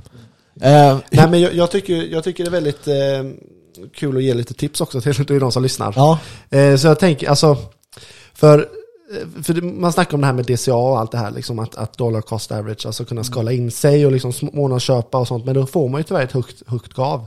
Vi, nu har ju bitcoin befunnit sig där vid mellan 30 och 60 000 liksom, i nästan två år snart. Liksom. ja. Och det rör sig sidledes liksom. Och nu bryter vi ner också. Nu var vi nere på 25 härom, eh, häromdagen. Jag blir trött på Eh. skiten alltså. Jag, jag, jag, köpte, jag köpte på 30, jag bara yes. Ja, ja, Så gick det precis, ner precis. mer, man bara fuck, jag har inga pengar kvar. precis. Och, och, och, om ni tänker på det, liksom, när den gick upp till 68 000 där, jag gjorde det i, vad var det, månaden ja innan? december, liksom. januari ja, december där. där. Ja. Eh, eh, och det var 2021 var det va? December. Ja. Där så var ju 99,9% alla bullish. Ja. Ja. Alla var ju positiva. Mm. Liksom. Och eh, jag själv, alltså alla drabbas av det här liksom att Ja. man är lite, man blir lite påverkad av att alla är så bullish och graferna såg ju för sin del också ut ganska bullish ut. Eh, och sen så toppade liksom. Eh, och nästa gång då jag tänker så här, hur, hur blir man rik? Hur, hur tjänar man mycket pengar? För det är ändå det här, hur blir du rik? Det är ändå det här handlar om liksom. Ja. Precis. Och det är ju att ta liksom när ingen, när, nitt- när, när, när 99,9% inte är bullish. Exakt. Då ska, du, Exakt. då ska man in och då ska man ha ett, en Typ som kassa. nu alltså. Precis, nej, inte, inte riktigt nu, för nu är fortfarande typ hälften bullish, hälften bearish. Exakt. Utan vi ska ha ett blodbad, vi ska ha liksom en liten kraftigare dipp här senare då. Eh, I slutet på eh, året förhoppningsvis. Och kommer, kanske inte kommer, men kommer det, jag tror den kommer komma. Kommer den möjligheten så ska man ju tänka så här, okej, har man då kassa och vill man ta den här risken eh, och gå in lite mer då, eh, än vad man brukar kanske. Såklart, man får inte gå in med några pengar som man verkligen behöver då, men, men om, man, om, man, om man vill ta risk som ingen annan tar, liksom, då, då, är det, då är tillfället. Samma tillfälle såg jag när det, låg på, när det kostade 3000. Mm, jag med. Samma, ja precis, nu också här, samma innan det. Och det går ju väldigt, tiden går, liksom, saker och ting bara försvinner ur, alltså tiden går så sjukt fort. Eh, och sen helt plötsligt så är vi där uppe liksom. Ja, alltså Eh, för, ja, du vet, ja, ja, du, du sa här 23 000 eh, på bitcoin. Jag ser gärna att det går ner till 13 000. Mm. Och att folk, alltså, för då, då börjar vi snacka om att folk kommer inte vara alls taggade Nej, nej, nej, nej. 23 000, det kommer fortfarande, Mm. som vi pratar nu, du säger att hälften är, är taggade, hälften är mindre taggade. Precis, precis. Du säger att vi har förlorat alla 50% av alla noobs, Ja. de är säkert helt borta, Ja, ja. kommer inte komma tillbaka Ja. förrän vi är på 100 000 och Då köper igen. de. Då, då köper de. igen. Ja men precis, men vi, ja. Men jag tänker så här att det, alltså, eh, slakten kan gå så pass långt så att du vet, när, det, när ingen tänker att det här kan bli aldrig, typ som när vi gick ner till 3000 dollar. Alltså vi gick från 11 000 till typ 3000 på några timmar, inte några timmar men jävligt kort tid Det i alla var fall. ju det, det var ju Ja. några timmar bara. Ja och det, det är liksom, det är, det är då ingen tror på det och det är då du tjänar dina pengar. Ja, ja. Och så alltså ner till 13 000, det är ingen som kommer snacka om bitcoin. Alla kommer skratta jag, åt jag oss. menar, tänk när vi var monterade. Ja. Och eh, en annan kompis och vi såg och skrek What the fuck, tre lax! Och jag bara, jag bara tömde kontot Ja, ja, ja, och allt jag hade precis. liksom. Nej men jag, jag blev också, för jag, jag väntade ju på den, det var ju 2018 där, så väntade jag ju på den här sista, för det låg i 6000. Mm. Så fick vi den här eh, lägre, lägre toppar och sen hade vi liksom ett stöd som bröt. Och, och den bara plunchade igenom, och minus 20, minus 30 procent på en dag liksom. Ja. Och, och gick ner dit till 3000 och då var det många som skrek 1000.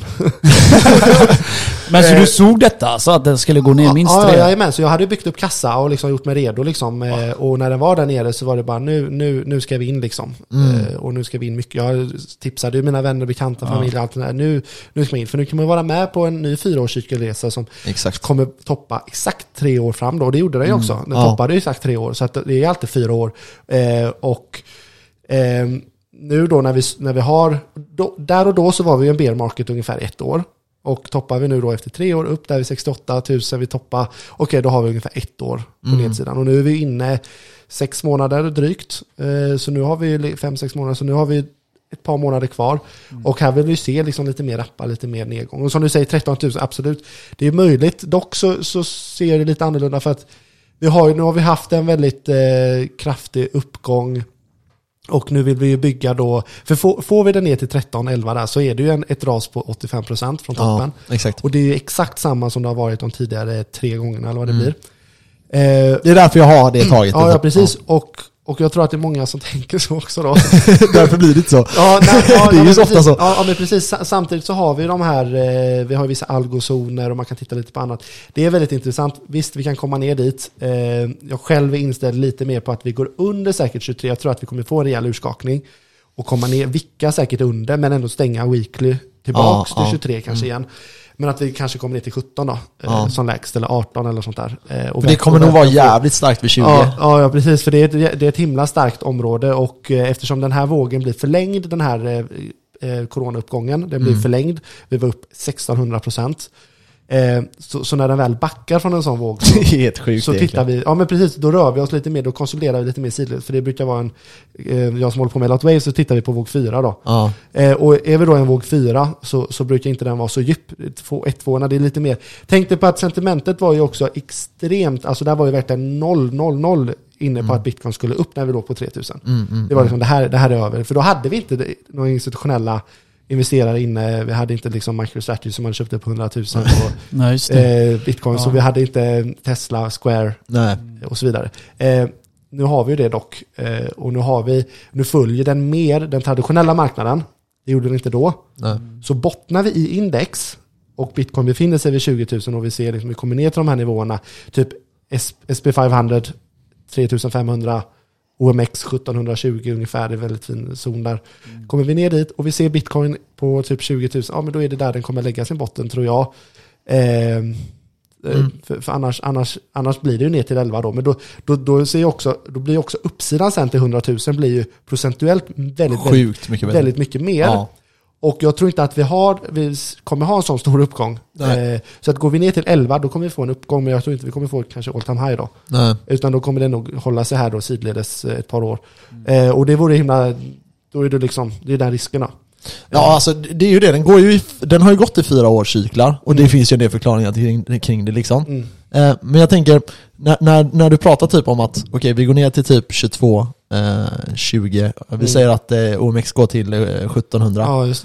Eh, om vi studsar där, då Mm. tror du att det kan bli uppgångar upp mot 100k? Ja, 100-120. Ja, och det jag tänker då som är lite så här, jag ser mig själv mer som en investerare då. Mm. Jag tradar ju aldrig i stort sett, det har hänt någon gång. Gick åt helvete, skiter i det. I alla fall. Men eh, för mig så är det typ så här, okej om, jag köper, om jag får ett läge att köpa på 20 Mm. så kommer jag köpa då. Ja. Eh, Jag fattar att det finns folk som, ja, men okej vi kan vänta på 30-13 tusen. Mm. Men för mig är det så här, okej ska vi ändå upp till 100k, Mm. det är fem gånger pengarna. Eh, nej, för mig är det extremt billigt. Mm. Jag, jag ser det som jävligt billigt. Mm. Går det ner till 13k, ja det är asnice. Då får jag väl belåna ännu mer då. Mm. Men, och, men, och ett, ett tips då om du ändå tror på uppgång Mm. och eh, du inte vill belåna. Så kan du, för det finns ju en, en risk med belåning med eh, att, att du kan bli eh, likviderad. ja. Eh, Det beror på. Så, det finns ett bolag, det finns ett bolag och det är ju MicroStrategy, Mm. MSTR. Mm, mm, eh, de kan man ju gå in i. De har ju faktiskt, eh, de, de har ju sin ordinarie verksamhet, eh, men om man tittar på deras bitcoin, de har ju 100 000 bitcoins. Och de är värda mer än vad själva bolaget är värt. Ja. Så just nu så handlas de då till en substansrabatt. Eh, Kan du förklara premie och eh, rabatt och lite sånt? Ja, Eh, ja, precis. Man har ju substans, det är ju ah, vad är värdet i bolaget och så handlar man då till en premie så, så är eh, börsvärdet högre än, än vad eh, Tillgångarna och det. precis, precis substansen då, alltså tillgångarna de har. Eh, och samma sak gäller andra sidan, är det en rabatt, ja, då är det billigare än vad tillgångarna är. Sen så har ju de också lån, eh, MicroStrategy, så de Jag vill har bara säga, man kan säga att man köper bitcoin till rea Ja. i bolaget om du köper Precis, MicroStrategy precis, just nu. precis. Och det kan också bli så att det bolaget värderas högre än vad deras tillgångar värderas. Mm.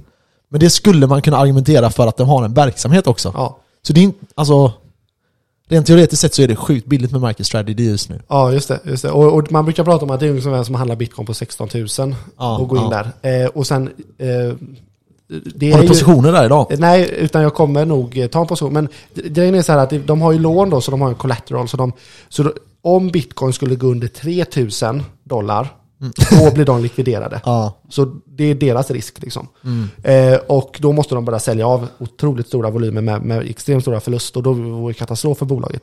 Men så djupt tror jag inte vi går.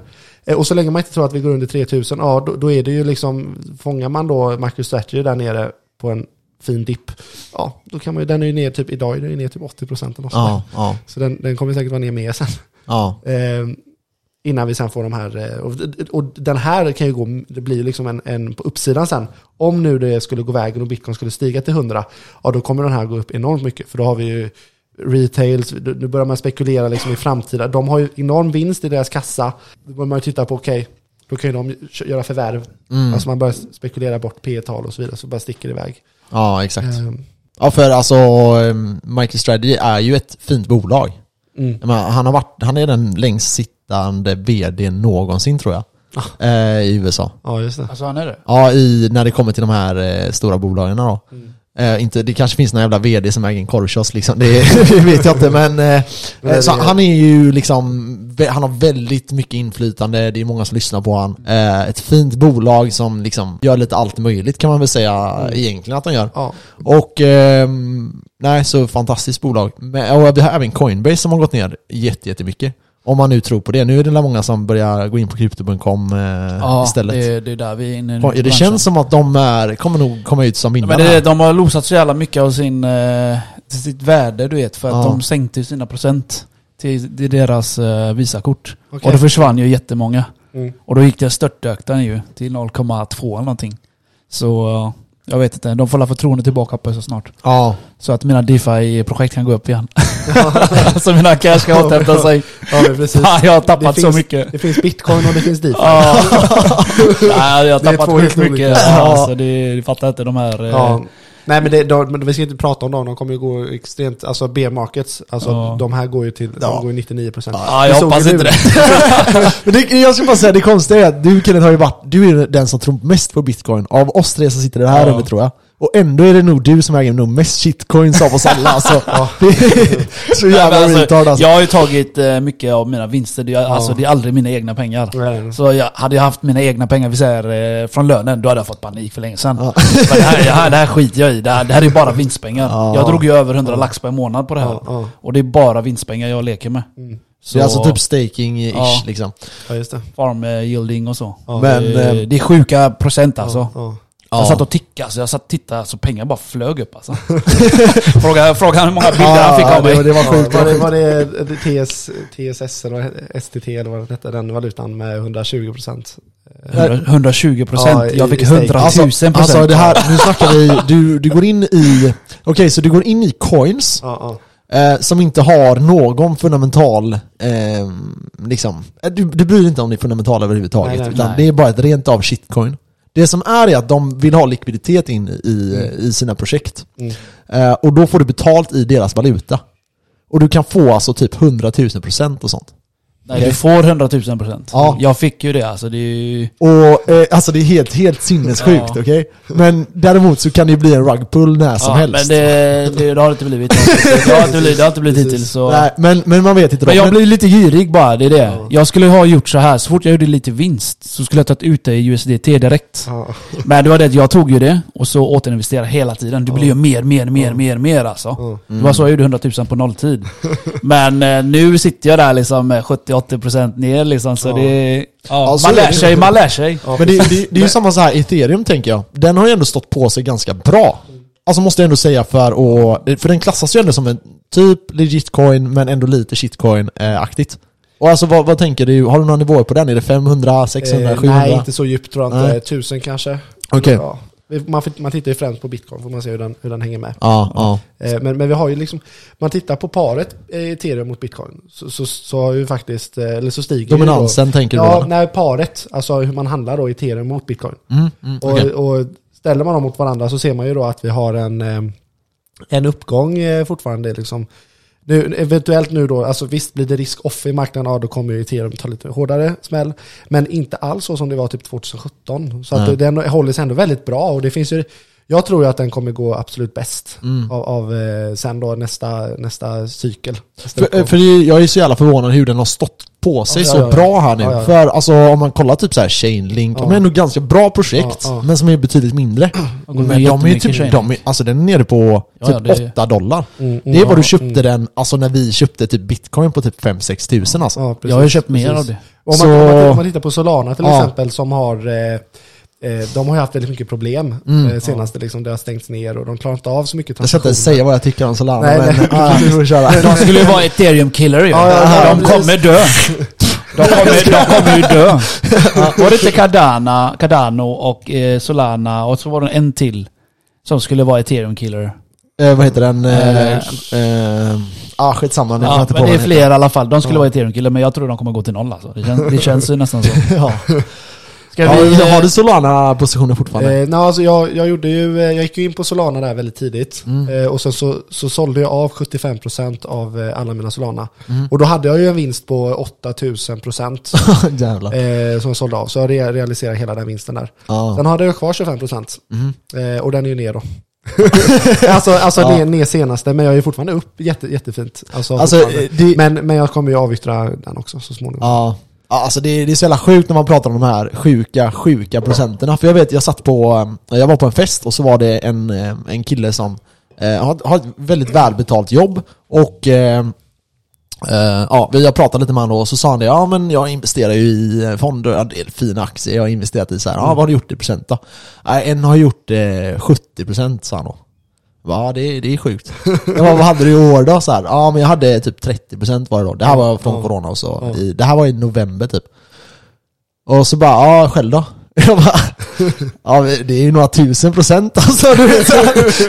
Ja, de tror ju knappt att det är sant nej, liksom. nej, nej, precis. Men, men eh, det, problemet är ju att det är så jävla svårt, som Kenneth alltid säger, att det är så jävla svårt att kunna gå tillbaka till den vanliga marknaden Mm. efter man har varit i krypto. Ja, jag är helt körd. För man Ja, blir ju helt fartblind. Ja, ja, det blir man ju. Det blir man. Det Alltså, är- den, den som köpte Luna här eh, igår, i förrgår, den har ju gjort en 32 000.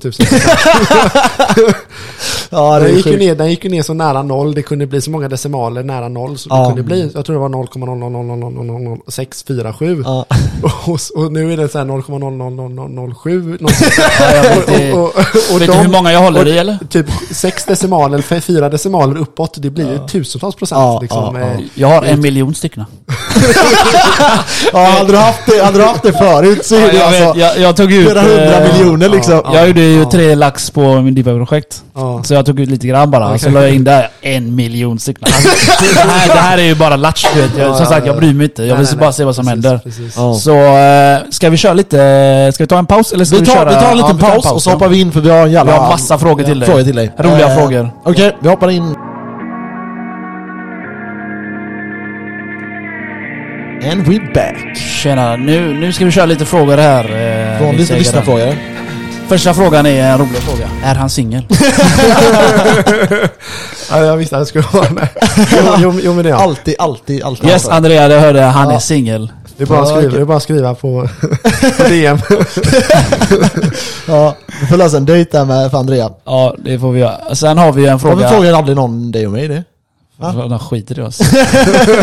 det är Patrik som är snygg vet du. Det är, vad är hans långsiktiga view för bitcoin? Eh, Min, min långsiktiga vi är upp eh, och då pratar vi eh, 2023-2024 som riktigt fina år. Eh, Och ska vi gå ännu längre bort så tror jag ju eh, inte upp då, du tror jag mer sidledes, liksom stora rörelser upp och ner, alltså 20, 25, 26, 20, 27. Det är väldigt, nu, nu är man bort bland målen här, nu är man långt bort liksom. Men, Ja. men eh, eh, och eh, kortsiktigt det här året eh, så är det ju mer ner då. Eh, in, innan vi sen sätter en botten och sen går upp då. Ja. Så det är ändå en, det är ändå en uppgång från, från 20 000 till 100 000. Det är en uppgång på 400-500 procent ungefär. Mm, mm, mm, mm. Och det är riktigt fint. Och, och betydligt mer på andra Ja, ja precis. Och visst, det kommer ju vara risk-on i hela marknaden. Så Tesla kommer ju gå upp och vi kommer ju ha det här liksom flödet igen med pengar in i marknaden. Antagligen eh, hjälp, hjälper ju Fed till lite där med, med stimulera då. Men, men eh, det, det kommer ju leda till eh, uppgång. Men det som är så fint då just med krypto det är att det går ju bäst. Mm. Det går bättre än Tesla, det går bättre än, mm. än, än guld, bättre än, än index. Mm, mm, mm. Det, Grymt, grymt, Ja. grymt. Sen har, alltså den här killen har skickat upp tre frågor så jag läser upp alla. här. Hur ser kryptoportföljen ut nu i fördelning? Eh, bra fråga. Det är, jag har eh, ethereum mest eh, och sen eh, bitcoin. Eh, och sen, eh, så jag har ju sålt av som jag sa där hälften Ja. då, innan eh, tidigare där i februari. Eh, innan vi full då. Eh, och ehm, så där då så har jag inte så jättemycket allokerat då längre av eget kapital. Jag var ju ganska mycket då tung i det. Jag hade typ hälften och sånt där. Men, men nu har jag ju mindre Ja. än hälften. Eh, och sen så har jag ju några procent kvar då i Solana och Cardano. Eh, eh, och lite andra då, jättesmå, som, som jag knappt vill röra liksom, för det är, det är så lite kapital. Ja, så du skiter nästan i Eh, det? ja, precis, Ja. man struntar nästan i det. Så att Ja. det är väl det. Ethereum mest, bitcoin andra. Och sen så har jag ju några procent bara av eget kapital kvar, typ 3 procent, 2 procent kanske. Okej, så I- du bara har, har på Ja, skoj ja, som jag har bara kvar. Och målet är väl att avyttra dessa ännu mer då på, en fin uppgång här nu kommande veckor. Ja, Ja. det är grymt. Ehm, vad tror du bitcoin hamnar för pris i december 2022? I år? Eh, ja, väldigt, väldigt bra. det här är svårt. Väldigt bra fråga. December 20, ja, nu tror jag att vi kanske får en botten då lite tidigare. Så att det är väl ett slags bottenbygge runt 20 000 eh, nivån tror jag. Så runt 20 000 eh, nivån i december där. Men du ser det som ett köpläge, Ja, ja, ja, ja. 22, där, 23? där har man ju en möjlighet att gå in eh, på en rea på ungefär 65% Mm. billigare då. Och sen drömmen hade ju varit ditt scenario där att komma ner 85% såklart. Mm. Eh, men, Ja. men, men ser vi samtidigt index och bottnar tidigare, ja men då tror jag inte att vi kommer, Nej. kommer komma ner så djupt. Eh, men, men om vi kommer ner så djupt så är det ännu bättre läge då. Men som sagt, då har man ju, som sagt, sånt tillfälle kommer ju bara var fjärde år. Det är därför det är fyra årscykler. Exakt. Så, så där har man ju tillfälle att verkligen fundera på, okej, är det nu det är nu jag kan ta risk liksom. Och sen Mm. är det jobbigt för många som har köpt i toppen och ligger kvar ner hela vägen. Då har de ingenting att handla för. Då Nej. har man ingen kassa. Och det är tyvärr det som många gör då. Mm. Men eh, har man lagt undan och har man liksom, nu är jag redo, liksom, nu, nu vill jag testa det här. Eh, och sen självklart göra egna analyser är väldigt viktigt. Så att man inte bara lyssnar på, Ja. på vad vi säger eller sådär. Utan man, får, man har, använder det som inspirationskälla till ett eget beslutsfattande.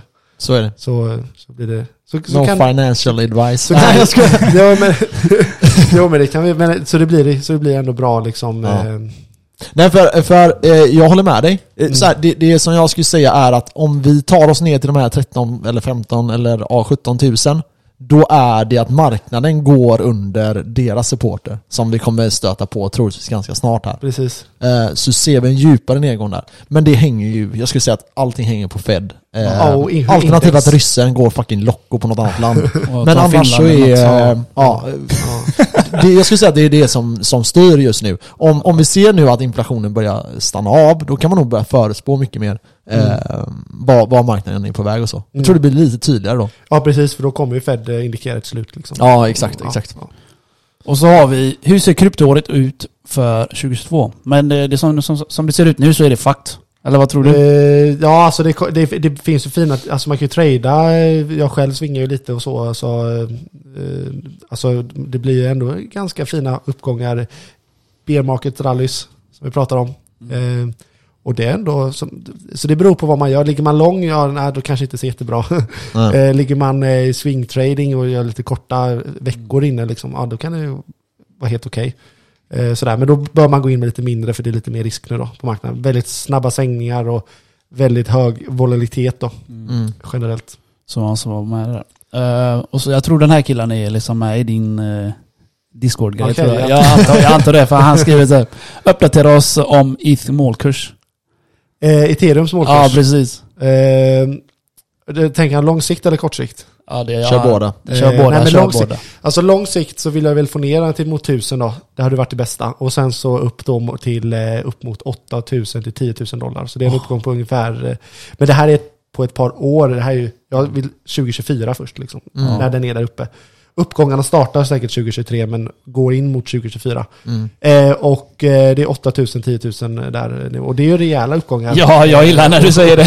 och det, och det, men, men då får man tänka på att då är det liksom eh, lång tid och då gäller det att ha disciplinen också och ligga med hela vägen. För att så fort den går upp lite så blir man så här, ja nu vill jag sälja liksom. Och då måste man ju nypa sig själv i skinnet och säga, nej men jag har faktiskt ett, st- ett större mål liksom. Mm. Än att sälja efter 100% utan jag vill ha 1000%. Men hur agerar du där som, som då trader? För då, då har du en lång position på Ja. den. Och den tänker du att du, har, har du, okej så här.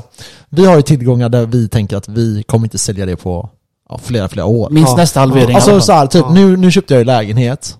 Ja. Alltså då var jag tvungen att sälja för jag var tvungen att köpa en lägenhet. Ja, just det. Indirekt. Just Så okej? måste du bo någonstans. Ja, exakt. Och, eh, men om, om man förutsätter att ingenting sånt här händer då. Mm. säger att inte jag får, eh, om inte jag får barn och bara shit jag måste köpa någonting ännu större, ja, då Mm, kanske jag måste mm. dämpa. Så kommer vi typ inte sälja på, på jätte, jättelång tid. Mm. Ja. Jag har inga Har du, sådana tankar, har du sådana pos- eh, positioner också? Eh, nej, utan eh, det är fyra och jag tänker så här, fyraårscyklerna vill jag ju gärna hålla intakt så att jag kommer ju sälja på nästa uppgång då. Mm. Alltså när vi når targets. Ja, Eh, och då vill jag ju även sälja, då vill jag sälja allt. Liksom. okej. Jag tror, för, för det, marknaden kommer alltid tillbaka, det är väldigt sällan den lämnar oss. Alltså när vi är snart nere, vi var ju nästan nere på 20 000, vi är tillbaks toppen 2017. liksom. Exakt. Så att marknaden kommer ju alltid, den rör sig i stora hela upp, ja. Högre bottnar, högre toppar, ja. Men den, den, det är sällan den bara lämnar den för alltid. Ja. Utan vi, oftast får vi något, något återtest igen tillbaks. Så att eh, det är väldigt lätt för folk vet, att missa en möjlighet är ju det värsta folk vet om. Liksom. Ja, När de ja. ser någonting bara dra iväg. Liksom. Och då blir man ju den som går in på slutet. Eh, Så att jag tror tålamod är det absolut viktigaste och har man tålamodet att vänta in en, en rejäl dipp som kommer lite regelbundet sådär i marknaderna kommer, kommer att gå liksom. Då har man ju möjlighet också att gå in eh, billigt när, Mm. när folk panikar då och vräker ur sig och liksom så här. Och, och, och sälja av. Gör motsats mot vad alla andra gör. Ja, ja precis. Rädslan är liksom helt körd i botten och liksom Mm. nu, nu Warren Buffett. Ja. Så, eh, ja, exakt. han säger väl så, jag får med det. Ja. Ja, ja men Ja. precis. Men det, det är typ det, det, alltså då kan man ju liksom köra mer långsiktigt. Du fattar inte hur långt han är från Warren Buffett dock. Sina investeringar alltså. Jävligt bra. Ja. Men Warren Buffett han säljer aldrig på toppen. Nej, det är sant, sant. Okej. Eh, Vi har två frågor till, okej? Ja, det är Så så. eh, vad tycker du om bolaget SBB? Från våran Rune Svanholm, han, våran eh, Ja. bästa lyssnare. våran, Han ska ju på festa i Smögen. Ja, han ska så. bjuda- jag ska bjuda på en öl. så vad tycker du om eh, bolaget SBB? Ja, SBB, eh, precis en väldigt snackis det sista framförallt. Och det är bl- bland annat Sinch och alla de här bolagen har ju varit Ja det har du, jag har ju sett det på Ja, din. ja, precis. Har varit väldigt stor snackis. Och det är oftast när de är stora snackisar som de toppar ur. Mm. Och vi ser en topp. Liksom, när folk bara pratar om det. Så här. Det, det, det är välkänt. Och eh, det gjorde ju SBB. Så jag har ju varit negativ till den, eh, min eh, community, sen topp egentligen. Eh, har jag sett nedsida. Sen får man ju ta det liksom våg för våg. Och ju mer ner vi faller, ju mer nedsida ser jag liksom. Så Ja. att eh, jag skulle kunna tänka mig att eh, vi går ner mot, nu om jag har rätt här, men mot 22 ungefär. Eh, för den, den är väl på 36 nu, något sånt där kan jag tänka Okej, mig. ja. Ner dit, så mer, ned, mer fall, men eh, tror vi kommer sätta en botten eh, tillsammans med index. Så den kommer följa med. Ja. Så att vill man gå in och vara med, jag tror att lång sikt så är det ett fint bolag eh, och kommer gå upp. Nu påverkas det lite av räntehöjningar och sådana saker. Eh, men eh, jag tror ju på eh, upp kortsiktigt nu veckor framöver, men en slutlig dipp i slutet på året, andra halvan 2022, för en långsiktig botten. Och det, där och är vi ju typ 70% ner från toppen, eller 80% och sådär. Det var uppe i 200 nästan. Eh, och då är det ju en rejäl rea. Rejäl rea. Och där tror jag man kan ta lite risk och stoppa in lite här. Men om vi tänker tech-aktien. Mm. Hur, eh, hur ser du på dem just nu? Har, har vi mer nedgång att vänta i tech? Ja, ja, visst det är väldigt intressant för att vissa bolag är, är ju ner rejält mycket. Eh, Men jag tycker ändå jag ser mer nedsida, ja. Alltså det här året. Eh, Jag tycker inte att botten riktigt är satt ännu. Eh, Så jag vill ju se mer nedsida dock. Men vi börjar väldigt närma oss. Jag, jag blir inte förvånad om några techbolag ändå sätter sin botten och gör sen i nästa fall då gör en högre botten. Okej. Så vi får liksom en, vissa gör ju lägre botten och sen vissa gör högre botten. Och det beror ju också på hur högt vi stiger nu på rekyl upp då. Mm. Eh, så att eh, det börjar närma sig ganska fina eh, ingångsnivåer ändå för, för tech. Netflix har ju kommit ner Mm. eh, rejält. Det har de eh, verkligen, det har de verkligen. Eh, ja, andra bolag, alltså om vi tittar på, på Apple, Amazon, alla de här har ju också kommit ner ganska bra. Mm. Eh, Alltså, jag vet inte, såg du Men- eh, försäljningssiffrorna på Amazon eller? eh, nej, jag kikar inte. Nej, katastrof alltså. Och det är, jag skulle säga att det är en bra indikator på att vi är på väg in i en lågkonjunktur när Mm. man ser att konsumtionen går ner så mycket. Mm, mm, Eh, För Amazon är ju kanske eh, lite esse för eh, om man ska kolla bolag och Mm, se mm. liksom konjunkturmässigt. Mm. Eh, För när konsumtionen går ner då är vi ju troligtvis nära en lågkonjunktur. Ja men precis. Och det beror ju ant- antagligen på de höga Ja, inflationssiffrorna. så så är folk slutar eh, konsumera. Ja, det, det går ju inte om du helt Nej. plötsligt betalar tre gånger så mycket för bensinen Ja precis. på, på två års sikt. Precis. Jag menar jag kommer ihåg när jag tankade för 700 spänn, nu tankar jag för 2000 liksom. Ja, jag Alltså, vet, det- det, det- är sjukt dyrt. Mm. Det är helt orimligt. Men alltså det är, ja nu kanske jag överdriver lite här. Men alltså det, det är ju liksom, du, du har ökat sjukt mycket med konsumtion. Ja, verkligen. Eh, så, så det går ju inte att konsumera lyxgrejer längre på samma sätt som man kunde förut. Nej, nej, nej. Eh, för gemene man. Nu är ju jag och Kenneth... Eh, Vanliga Svensson. eh, Slash Rika. ja, nej men, ja, nej, men det, så, så är det ju. Ehm, så, Och, ja. och så har vi då eh, han komikern Max som, eh, som är med i De kallar oss krypto. Han eh, Mårten, du vet. Aha. Han, eh, han förlorar ju en miljon dollar. Alltså, Eller en miljon kronor i- på Luna. Ja. Så, så min sista fråga då till eh, vinstjägaren här. Ja. Vad fan hände med Luna? Kan du ta det bit för bit? Hur kunde det krascha så? Jag såg att du hade en förklaring. Ja, ja, i- precis, precis. Jag gjorde en Så- förklaring. Det är så här, det var, man kan kalla dem smarta genier. Det är inga Eh, hacker nu va? Nej, det är, hedge, det är en hedgefond. Ja, eh, som- som eh, smarta som attans då, för de såg det här. Eh, det är ju så här att, att, att eh, Luna har en stablecoin som heter UST. Mm. Och den är ju då eh, byggd då på en algoritm. Och det är det som skiljer sig lite från andra. Så folk säger så ah, vad ska man vara rädd för, för stablecoin? Ah, tittar vi till exempel på BUSD, eh, alltså Binance US dollar, så är de uppbackade av lite mer, eh, alltså då blir, det, då blir det inte så decentraliserat, det blir mer centraliserat. Ja. Eh, så det är en centraliserad stablecoin då. Eh, uppbackade av mer, mer riktiga saker då. Så de hade UST och bitcoin som uppbackning? Eh, no, ut, ut, no, ut, utan Terra, de, de, hade ju, eh, de har ju uppbackning av att de eh, så fort då någon säljer då väldigt mycket UST Ja. och priset pressas ner, de vill ju vara så nära ett som möjligt och vill vara stabil. Precis. Eh, då, då, bränn, då, då, då myntas då fler Lunas, Ja. eh, alltså Luna, och, eh, och backar upp då helt enkelt den eh, där. Och samma sak gäller åt andra hållet, då bränns det ju när man, eh, när man köper eh, istället så bränns det Luna då. Eh, så det, det är så i, i, i stora hela då. Eh, och det här är ju en algoritm som löser det här. Så det de, den här hedgefonden då gjorde, det var att de, de köpte på sig ungefär en miljard USD. Mm. Och sen så väntade de in den dagen det var minst volym, Typ en helg nu. en lördag. Ja.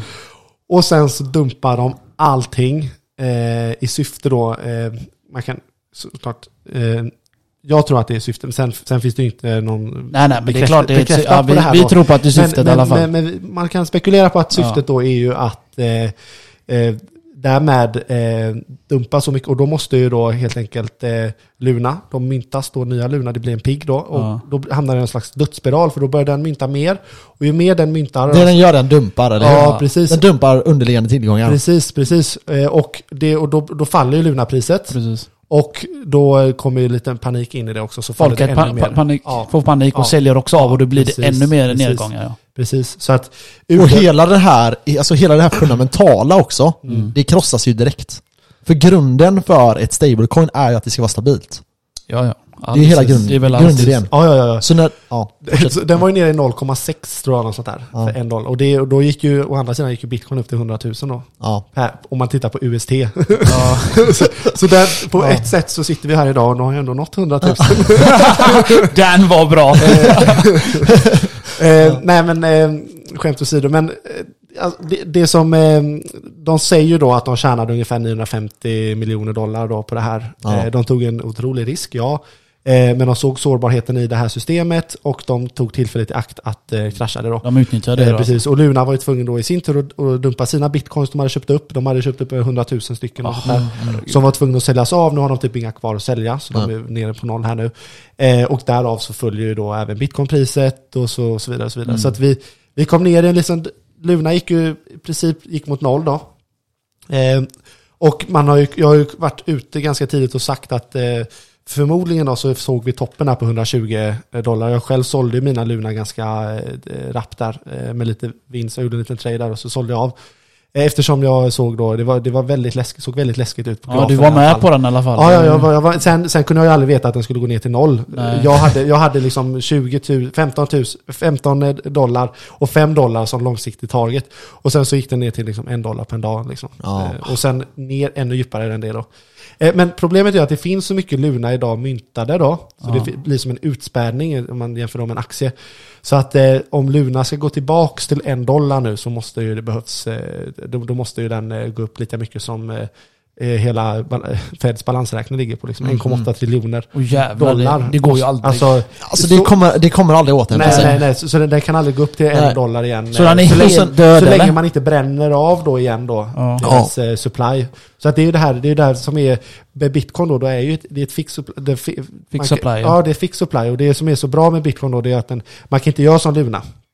Så att det jämför inte, man kan inte jämföra Luna med bitcoin. Nej. Nej. Eh, eftersom det är inte, det är inte samma. Inte samma. Det. Så Luna är helt stendöd då, enligt dig? Alltså man kan ju trada, som sagt. Man kan fortfarande trada, ja. eh, 32 000 procent här eh, för, för några dagar sedan. Men, men alltså okej, jag vill bara säga en sak om det här. Det är också att eh, det man har gjort är att det är många har stakeat då. Och det, tror- jag tror det är 21 dagar innan de får ut Ja, dem. 21 dagar, ja, den är låst. Så det kommer, det kommer ta tid innan de pengarna också kommer dumpas Ja, på marknaden. Ja. Eh, så eh, till exempel, han har ju förlorat de här pengarna. En miljon. Ja, jag menar, så här. Ja, jag tycker att det är synd om han på något sätt. Men samtidigt, det här Säg det händer, bara. det här händer alltid Ja. när eh, det är eh, liksom nedgångar på bitcoin. Det, Mm. De här coinsen som alla hypar upp, typ, Ja. vem snackar om Cardano just nu? Ingen. Ingen, nej. Det är så. Nej, nej. Eh, vem, vem snackar om Solana? Ingen just nu. Ja. Det är ganska ointressant med dem just nu. Däremot nästa bullmarket kanske nå, någon av dem finns kvar. Mm. Men om man kollar historiskt så byts den här topp 10-listan, den byts ut ganska regelbundet. ja, Och då pratar man om coins som liksom aldrig kommer dö. Jag skrev till en av de här stora influencersna på TikTok för ett tag sedan. Eh, som, där hon, den här personen då hade lagt ut en bild på massa coins som hon aldrig skulle sälja. Och så hade jag kommenterat för typ ett år sedan. Vi får väl se typ så här, skrev jag. Du kommer dumpa alla dina coins. Och så gick jag, så fick jag bara massa likes på den här helt plötsligt. Ja. Så jag gick in och kollade och då var det ju så här, hon hade Terra Luna, hon hade liksom många av de här shitcoinsen du vet som har gått åt helvete liksom. Oh my god, den var Det, bra Max. och det, det är ju så, det är tyvärr så det är. Ja. Det finns potentiella vinster, men då måste du gå in i ett så tidigt stadie.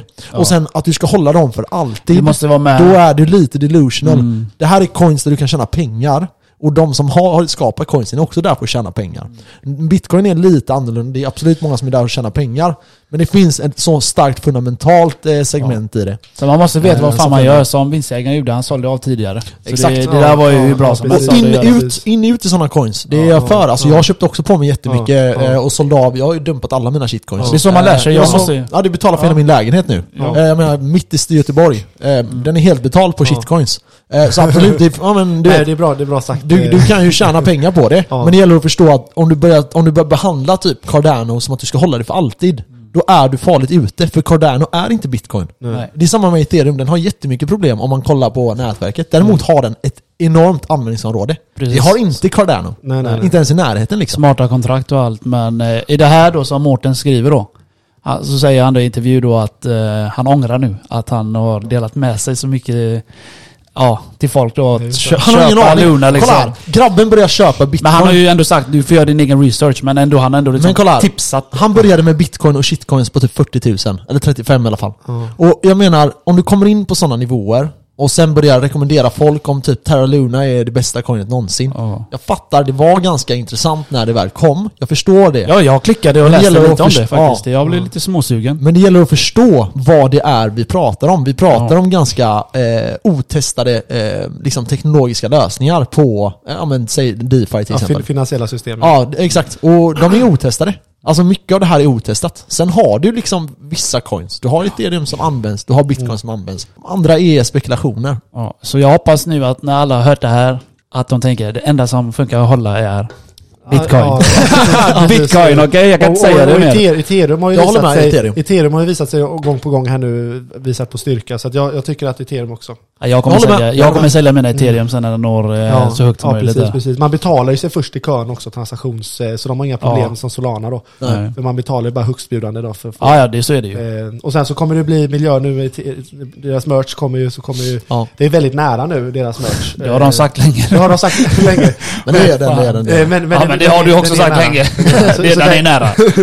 Men den har ju olika faser också. Jo, jo, men det händer ju ingenting. Ja, men Det är det jag precis, menar, precis. men- Men, men när han, om man förlorar väldigt mycket på Luna, men ser det som en lärdom. Ja. Eh, alltså det handlar ju mer, alltså det handlar inte om, om att göra en miljon på, på en coin, utan det är också att kunna gå ner till noll igen och så göra en till miljon. Ja, Exakt. det, det, det är bra sagt. Det, det är det det handlar om. Ja. Så att du har rätt liksom... Eh, Varför säger jag exakt? Jag håller inte ens med.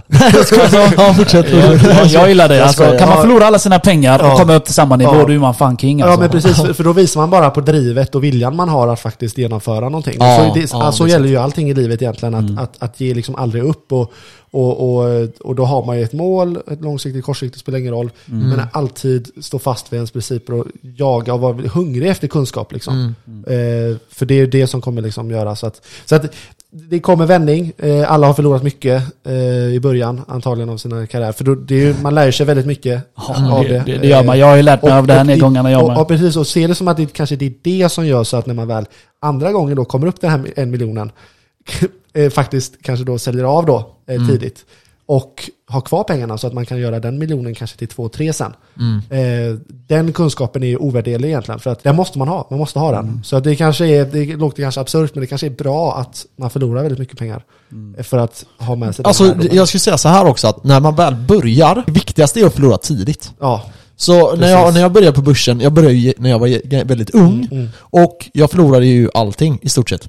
Jag hade ingen aning vad jag gjorde och sådana grejer. Mm. Men det var inga stora pengar. Det är alltså som, jag tror jag kan säga att jag hade 40 000 eller någonting. Mm. Men jag kan leva med att jag förlorar 40 000. I, idag kan jag förlora 40 000 på en timme och jag bryr mig inte ens. Ja. Och, och det är ju det som, eh, det, är ju det, det är ju skillnaden. Och det gäller att ta sig dit. Mm. Men det tar tid. Ja. Och det är bra att göra fel i början. Och det är helt okej att göra fel. Och gör det hela tiden. Ja, Men det. för det är värre att göra fel när du har 10 miljoner sen och du gör bort det ordentligt. Reparera det är ganska tungt. Reparera 40 000, Så- det är ingenting. Så dagens lärdom är liksom, förlora dina pengar tidigare. ja, men alltså allting är en lärdom. Jo, Till exempel nu, eh, han är, eh, Morten heter han, Mårten. han, Mårten ja. Han har ju eh, gjort någonting som är helt nytt och han har förstått nu att det kanske inte är så enkelt som han trodde. Nej. Och det är ju så det är. Det är samma sak med NFT som han eh, losade ju. Ja, men, eh, ja exakt, Ja. det har vi pratat om Ja, innan. precis. Alltså typ NFT-projekt. Det finns absolut intressanta projekt där. Kanske. Men, men ja, kanske. Jag säger kanske Men fortfarande. det är det jag menar. Men jag jag var menar också nära typ- på att gå in men jag gjorde aldrig det. Nej men om man börjar kolla på de här metaverse, eh, eller vad heter det? Meta, Metaverse. ja, eh, jag, jag gillar metaverse. Ja, jag kommer inte på något coin med Sandcoin eller vad heter Ja, de? Ja. Sandbox. Sandbox. De har ju så här olika eh, drops då till NFTs. Jag tror fortfarande på dem.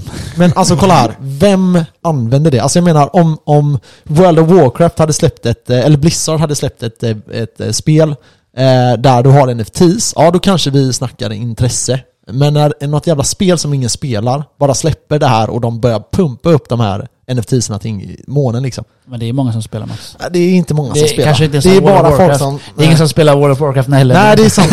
Så det var ett dålig dåligt exempel. Exempel ja. men, men jag bara menar... Ta, ta CS, där har du, där- där har du många spelare. Ja, ja. Så där snackar vi om bra NFT Ja exakt. eh, Men då, då börjar vi ju snacka om det nu finns eh, rara, eh, alltså ovanliga skins där. Mm. Då börjar vi ju snacka ett värde, för det finns liksom en marknad, det finns ett användningsområde och Ja, så. ja, ja, men varför gör de inte det på CS? För det är det jag inte fattar, för där är ju, ligger inte mycket intresse i Ja, det är en bra fråga faktiskt. skins och NFTs. Ja.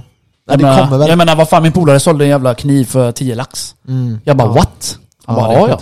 Jag bara, vad- hur betalar han det? Han swishade. Jag bara, oh, nice. Jag kommer ihåg när du Fan. köpte eh, så här knivar och sådana här grejer, och om vi snackar sådana skins, nu blir det väldigt nördigt här. Men när de kostade alltså typ 10 dollar, Ja. 20 dollar, det var ingenting alltså. Och nu är de på flera tusen liksom. Ja. Så, Ja, det är ju en marknad där också, Steam, Ja. Steam-marknaden. ja, så Men de blir eh, söndaganmälda nu. Alltså varför? Eh, för att de, företagen tycker inte de tjänar pengar på att lägga ut sina spel via Steam. så de blir anmälda nu. Ja, det är För att de, är- det är ju så, det är en plattform, det är ju tredje part. Så Ja. det blir ju, de ska ju mellanhanden, Ja, de ska ha lite cash de också. Ja. Så får de inte ut alla. Så här, det, det pågår lite en dispyt där. Ja. Mm. ja, sånt är det. Så, dagens lärdom, köp bara bitcoin, håll bara bitcoin, sälj allt. Har du några fonder och sånt? Kör du på det någonting? Eh, nej, eh, alltså visst jag har lite silverfond och sånt. Eh, Mm. Eller ja, lite lite.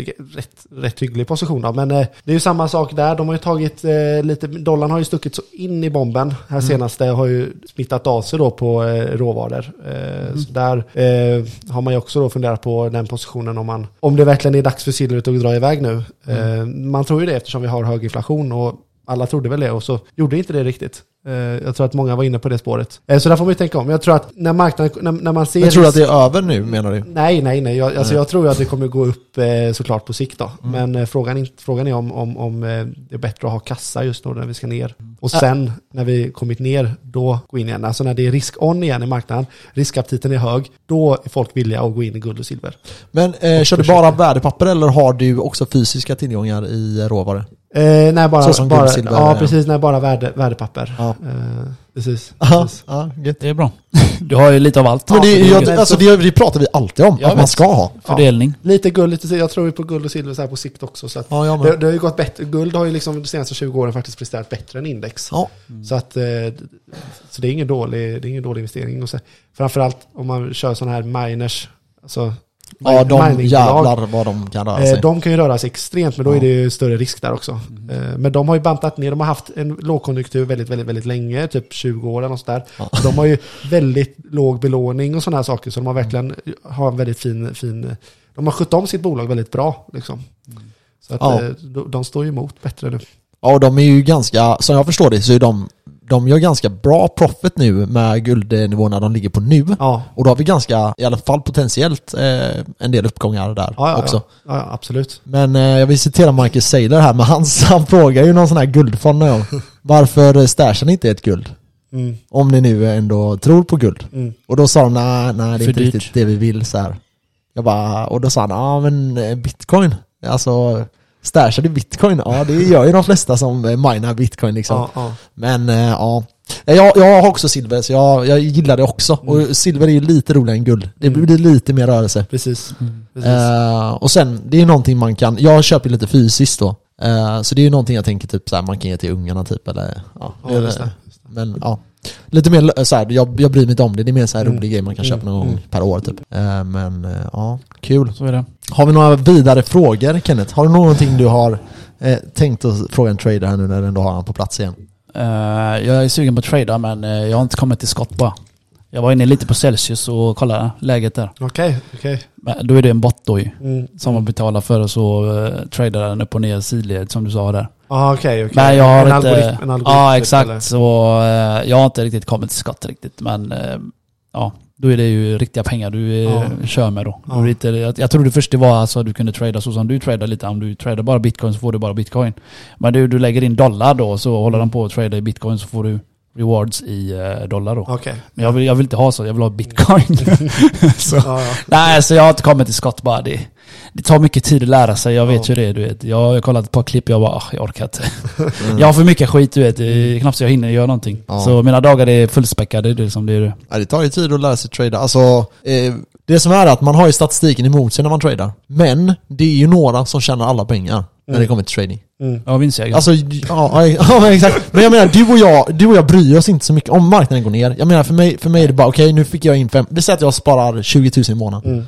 Och så går bitcoin ner till, ja men vi säger 20 000. Ja, jag helt plötsligt kan jag köpa mer bitcoin för mina Mm, pengar. mm. Så jag bryr mig inte så mycket. Mm. Det är mer, ja, går det upp, ja men det är jättebra. Eh, jag försöker inte bry mig om bruset, medan som trader så är ju det asintressant. Mm. Desto mer volatilitet, desto roligare, Ja, antar ja, jag. ja, ja, och för mig är det mer så här, ah, det är bara lite mer huvudvärk jag, om det är samma här, jag köper bara DCA Mm, som vi mm. sa här.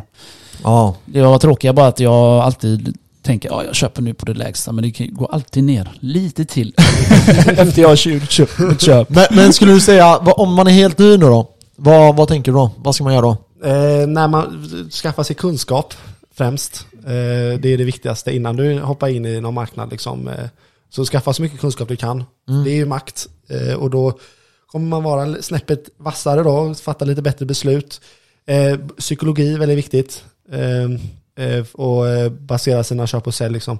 När folk panik, ja men tänk var lite annorlunda liksom. Be, be different. Mm. Eh, så det är väl det. Och sen vill man ha långsiktigt sparande, då tycker jag det är bättre att fylla kassa och köpa på när, när det är rejält ner. Eh, för då får du en mycket bättre risk-reward eh, än när du köper då, eh, när det är upp väldigt mycket. Och sen kanske man ställer sig den här frågan, det är ju svårt att veta när, när, när det ska gå ner och sådana saker. Men eh, då säger jag, oroa dig inte, det kommer, det kommer alltid ner till slut.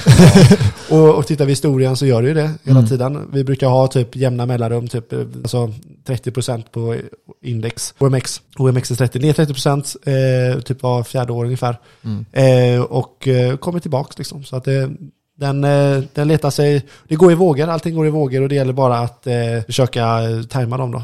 Mm. Eh, och där måste man ha kunskap. Mm, mm, mm. Ja, där har vi det. Kunskap är makt. Kunskap is Vin- power. vinstjägarens ord. Ja. ja, nej men Så- eh, skitkul eh, att du kom igen. Ja, det har varit verkligen. eh, skitkul. Ja, men Det verkligen. var kul att ha dig Ja, ha dig. här. Nej, men näst, nästa gång, alltså nu, nu, nu fick vi, det var ju det som var tanken, nästa gång var ju 100 000. Ja, vi skulle haft en Eh, jävla fest ja, där då. Ja, och då Ja. satt vi här, men nu tog ju, eh, det tog ju det är en liten paus där Ja, i mitten. Så det kom inte, nu togs inte priset upp till 100 000 direkt, utan dit kommer vi bara, det blir förlängt. Ja. Och det är någonting som jag har upplevt eh, med tiden här, att allting förlängs hela tiden. Ja. Så när tror Så- du så bitcoin når 100 000? Så säger, man, säger jag 2023, eh, 2024 då, så är det väl 2026. nästa, nästa halvering då eller? Ja, ja, precis. Nej, men det, det brukar bli förlängt hela tiden. Så. Ja. Eh, men eh, sen får man inte bli allt för girig då. Eh, det, det lär ju sig alla liksom, att man får Mm. vara tacksam för det. Tacksamhet, så att när man har haft en fin uppgång då får man ju känna tacksamhet och faktiskt Precis. eh, gå ur då.